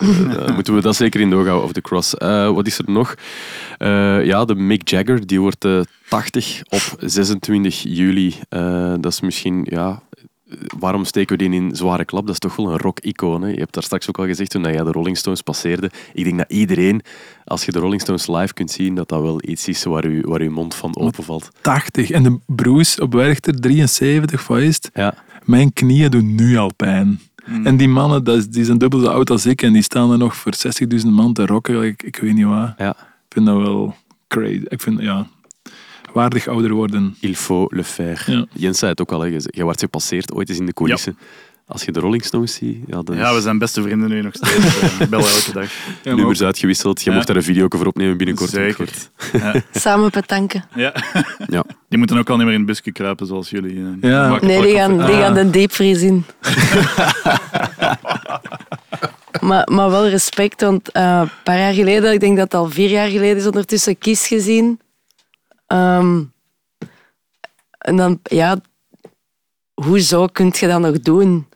Allee, want nu is er zo gerucht dat er dingen meelopen. I don't even care. Snap je? Die show is, dat is 12 op 10. Die drumsolo, als ik daar de eerste 10 seconden misschien op half tempo ooit van ga kunnen spelen, gaat, gaat goed zijn. Die doen blijkbaar nog altijd elke dag zelf hun schmink. Dat wou ik even zeggen. Dat vond ik heel, misschien het indrukwekkendste. Want als we naar een band gaan kijken, dan zoek ik zo weetjes op. Gelijk als je naar Barcelona gaat. Ja, we moeten naar Sagrada Familia gaan, we moeten dat doen. Zo ben ik ook wel op... ehm, de schmink van Kees gekomen. Ja, Ja. ik ben nogthans, ik, ik was op een festival in, in Mexico in december en in het hotel, daar- ik had ontdekt daar aan de bar, daar was een Belg en, eh, en ik vroeg, "Oh, wat doet jij hier? Ja, ik ben de make-up en hair assistant bij Kiss. Zei, en dat was een Belgische kerel, ik weet zijn naam niet meer, maar dat vond ik wel op zich wel een coole job of zo. Ja, dat zal zijn. Daarnet ook wel best wel werk. Ja. live goals. Ja, voilà, dat was onze zes om te weten. Merci. De kies, die hebben we er gewoon bij geduwd. Hopla. Dat vind ik wel. er zes of waren er vijf? Ah. Ah, dat is Kees is zes. Ja, oké. of wil jij er nog eentje zeggen? Nee, Kees is... Ah ja, misschien nog één. Jens, voor u. Eh Enter Sandman wordt 32. Deze Oh ja, maand. ja Voilà. ik ook. Dus eh, ik ben even oud als de Ook deze maand? Eh, nee, in september ja, ben ik. Ah. ja. Dan is het album iets ouder. Maar dat is goed. Ja, de- het nummer, ja, Interessant Man. 32, oké, zo oud als Jens de Vos. Leuk. Eh we hadden gevraagd, Stefanie en Jens, om zelf nog eens na te denken en in uw agenda te duiken. Wat zit er bij jullie nog aan te komen in juli? Of waar kijken jullie zo naar uit? Eh, het is een rustigere maand bij mij. Eh, ik ga nu eerst naar Nim, bij Go- Gojira en Avatar. Ik speel daar in, die, in de amfitheater in Nim. Dat wordt wel crazy. en dan daarna naar Exit Festival in Servië met Epica. Dat is een super vreemd festival. Ik heb die line-up gecheckt en dat was zo The Prodigy en Dimitri Vegas en Like Mike en Skrillex en dan Epica. Dus ik weet ook niet wat dat gaat worden. maar daarna, hetgeen wat ik eigenlijk het hardst naar uitkijk, is eh, ik heb tickets gekocht om in Keulen naar eh, Pink te gaan kijken. Dus ik kijk echt super erg naar uit. Eh, daar- ik ben er wel een grote fan van. Ik heb sowieso veel popartiesten waar ik huge fan van ben. En, wou altijd al een headline show van Pink gaan kijken. Dus, eh, Maar ze kijk, stond op... eh, Weet ik, maar ik wou nu zo niet op een festival. Ik was ook waarschijnlijk niet vrij, maar ik zag dat ze daar spelen. Keulen is niet zo ver. ik vind dat wel chic dat je dat zegt, want eh, wij moesten op Pinkpop spelen en daar moest Pink ook. eh, En eh, review op 3 voor 12 van Pinkpop, 1 op 5. Kitsch, eh bla bla bla. Alleen Nice. maar slechte dingen over Pink. En dan lezen de review in de morgen of de standaard van, eh van Werchter en dat was 4 of 5 sterren. mm. Dus dezelfde artiest, twee dagen na elkaar, twee landen, afgebroken en opgehemeld. Ja, oké, maar wat verwacht je dat is of zo? Natuurlijk had hij kitsch en eh, felle kleurtjes en... eh, Ja, maar bij Hollanders, dan- in Holland zou dat net moeten, ja. Ja. zouden ze dat net moeten snappen. Ja. is geen dis, maar ja, het was eh, maar één ster. Maar de- net daarom wil ik het niet op een festival gaan zien, maar ik wil in een stadion gaan zien, waar dat allemaal mensen zijn om die show te zien. Dan heb je sowieso al een andere vibe. Dus ik kijk er super erg naar uit. Ik heb goede tickets, ergens van voor aan het podium. Dat wordt kei leuk. Nice, welke datum? In de Pink Circle. Eh, eh, 9 juli. 9 juli, oké. Dat is niet zo ver meer af. Nee. Ja, zalig. Ik vind dat wel een coole toevoeging. Past dat in zware klap? Of Ja, absoluut. Wordt deze eruit geknipt? Nee, nee, nee. En ik vind ook dat je daarmee onderstreept van, hey, ga je nu eigenlijk naar een headline show van de band zien of Mm. naar een festivaldag. Je hebt dit hier eigenlijk heel mooi toegelicht, omdat het gewoon dan de Pink Show is, zoals Ja. zij het wilt, dat het overkomt. Nice. Veel plezier eh, bij Pink. Dankjewel. Stefanie? merci om te komen. Ja, dat is waar. Ehm, ik ga nog naar Cactus in Brugge. Ehm, al een paar keer naartoe geweest. Heel, heel leuk festival. Ehm, ik ga op de zondag gaan wanneer Kurt Vile komt. ehm, en Shame en Kim Gordon en Slow Crush. En ja, ik weet niet, ik kijk er wel hard naar uit. Heel eclectische line-up, maar ik, ik heb dat wel graag of zo. B&B'ke geboekt of toch maar een tentje en een stinkend toilet? Ik ben aan het twijfelen over een tent, maar Is er een camping op Cactus? Geen idee. Nee, ik zou bij een vriendin in de Nof slapen. Maar ik weet het niet. Ik ben nu al... Nee, ik weet het niet. Het is... Ik weet het nog niet. Privéjetje eruit. Helemaal niet. Gewoon... ehm, ik ben geen 3x7 niet meer. Als ik daar op die vloer lig, dan raak ik niet meer recht de volgende zeven dagen. Zo waar. Oké, nog wat opties bekijken dat je thuis geraakt. Maar Cactus Festival dus voor Stefanie. Oké. Eh, als je heel de tijd hebt blijven luisteren voor één bepaalde reden, dan heb je nu geluk, want we gaan het er nog insmeren. We moeten nog eh, een extra giveaway doen. Eh, maar nog niet direct. We gaan een beetje de spanning opbouwen. Eh, want eh, dit keer, je hebt dus ons maandoverzicht van juli gekregen, maar we blikken ook al een klein beetje vooruit naar de volgende aflevering. We hadden nog leuk nieuws beloofd. En dat is dat je tickets kan winnen voor Alcatraz Festival. En hoe kan je dat winnen? Door een antwoord te geven op onze wedstrijdvraag. En je moet die insturen naar zwareklap.vrt.be. En dan prepare, want wat is de, wedstrijd, de wedstrijdvraag, Peter? Sorry, ik ben al zenuwachtig. Drumroffel. Eh, wat is de naam van het Alcatraz-podium dat er in 2019 is bijgekomen en waar vooral Belgische bands worden geprogrammeerd? Ik heb net de slogan gelezen van het podium. Thomas, ga ik hem nog aan? Hier is hem. No openers, no headliners, just bands. En in, toen het eh, in 2019 werd eh, geïntroduceerd, was het eh, 666 mensen mochten er binnen. De lengte van de set was altijd 66 minuten. En eh, er moest zes op de schaal van Richter zijn als je aan het, eh, ja, qua aardbevingsniveau. Ja, ja, en wij hebben er ook toen gespeeld op die allereerste editie. En toen was het ook 666 euro gage voor elke band, denk ik. Ik denk dat echt de lijn overal werd doorgetrokken. We hebben er ook nice. gespeeld, maar we moesten normaal in de andere tent spelen. Ja? Maar er was toen noodweer of zoiets en dat hebben we ook verplaatst naar deze tent. De mysterieuze tent waar jij het antwoord op moet Ja. geven. Ja. Maar we hadden helemaal geen set van 66 minuten klaar. Dus, Nee? dat is niet gebriefd dan, of wat? Ja, Oké. Je hebt ja. dan 66 seconden gedaan. ja, exact. Ja. Jullie hebben nu iets langer de tijd dan 66 seconden. Je hebt eigenlijk een maand de tijd om eh, die wedstrijdvraag in te sturen naar zwareklap.vrt.be. Je hebt de vraag van Peter gehoord. Als je de naam dus van dat podium naar ons doorstuurt via ons mailadres, dan sta jij misschien op Alcatraz deze zomer op onze kosten. Stefanie en Jens, dikke merci om erbij te zijn. Jullie Nee, bedankt. jullie eh, bedankt. doe zo voort. Grote fan. En geniet nog van jullie zomer en eh, zeker van de komende maand, juli. En ook eh, jij bedankt om te luisteren. Laat ons zeker weten hoe zwaar uw maand is. En tot de volgende zware klap.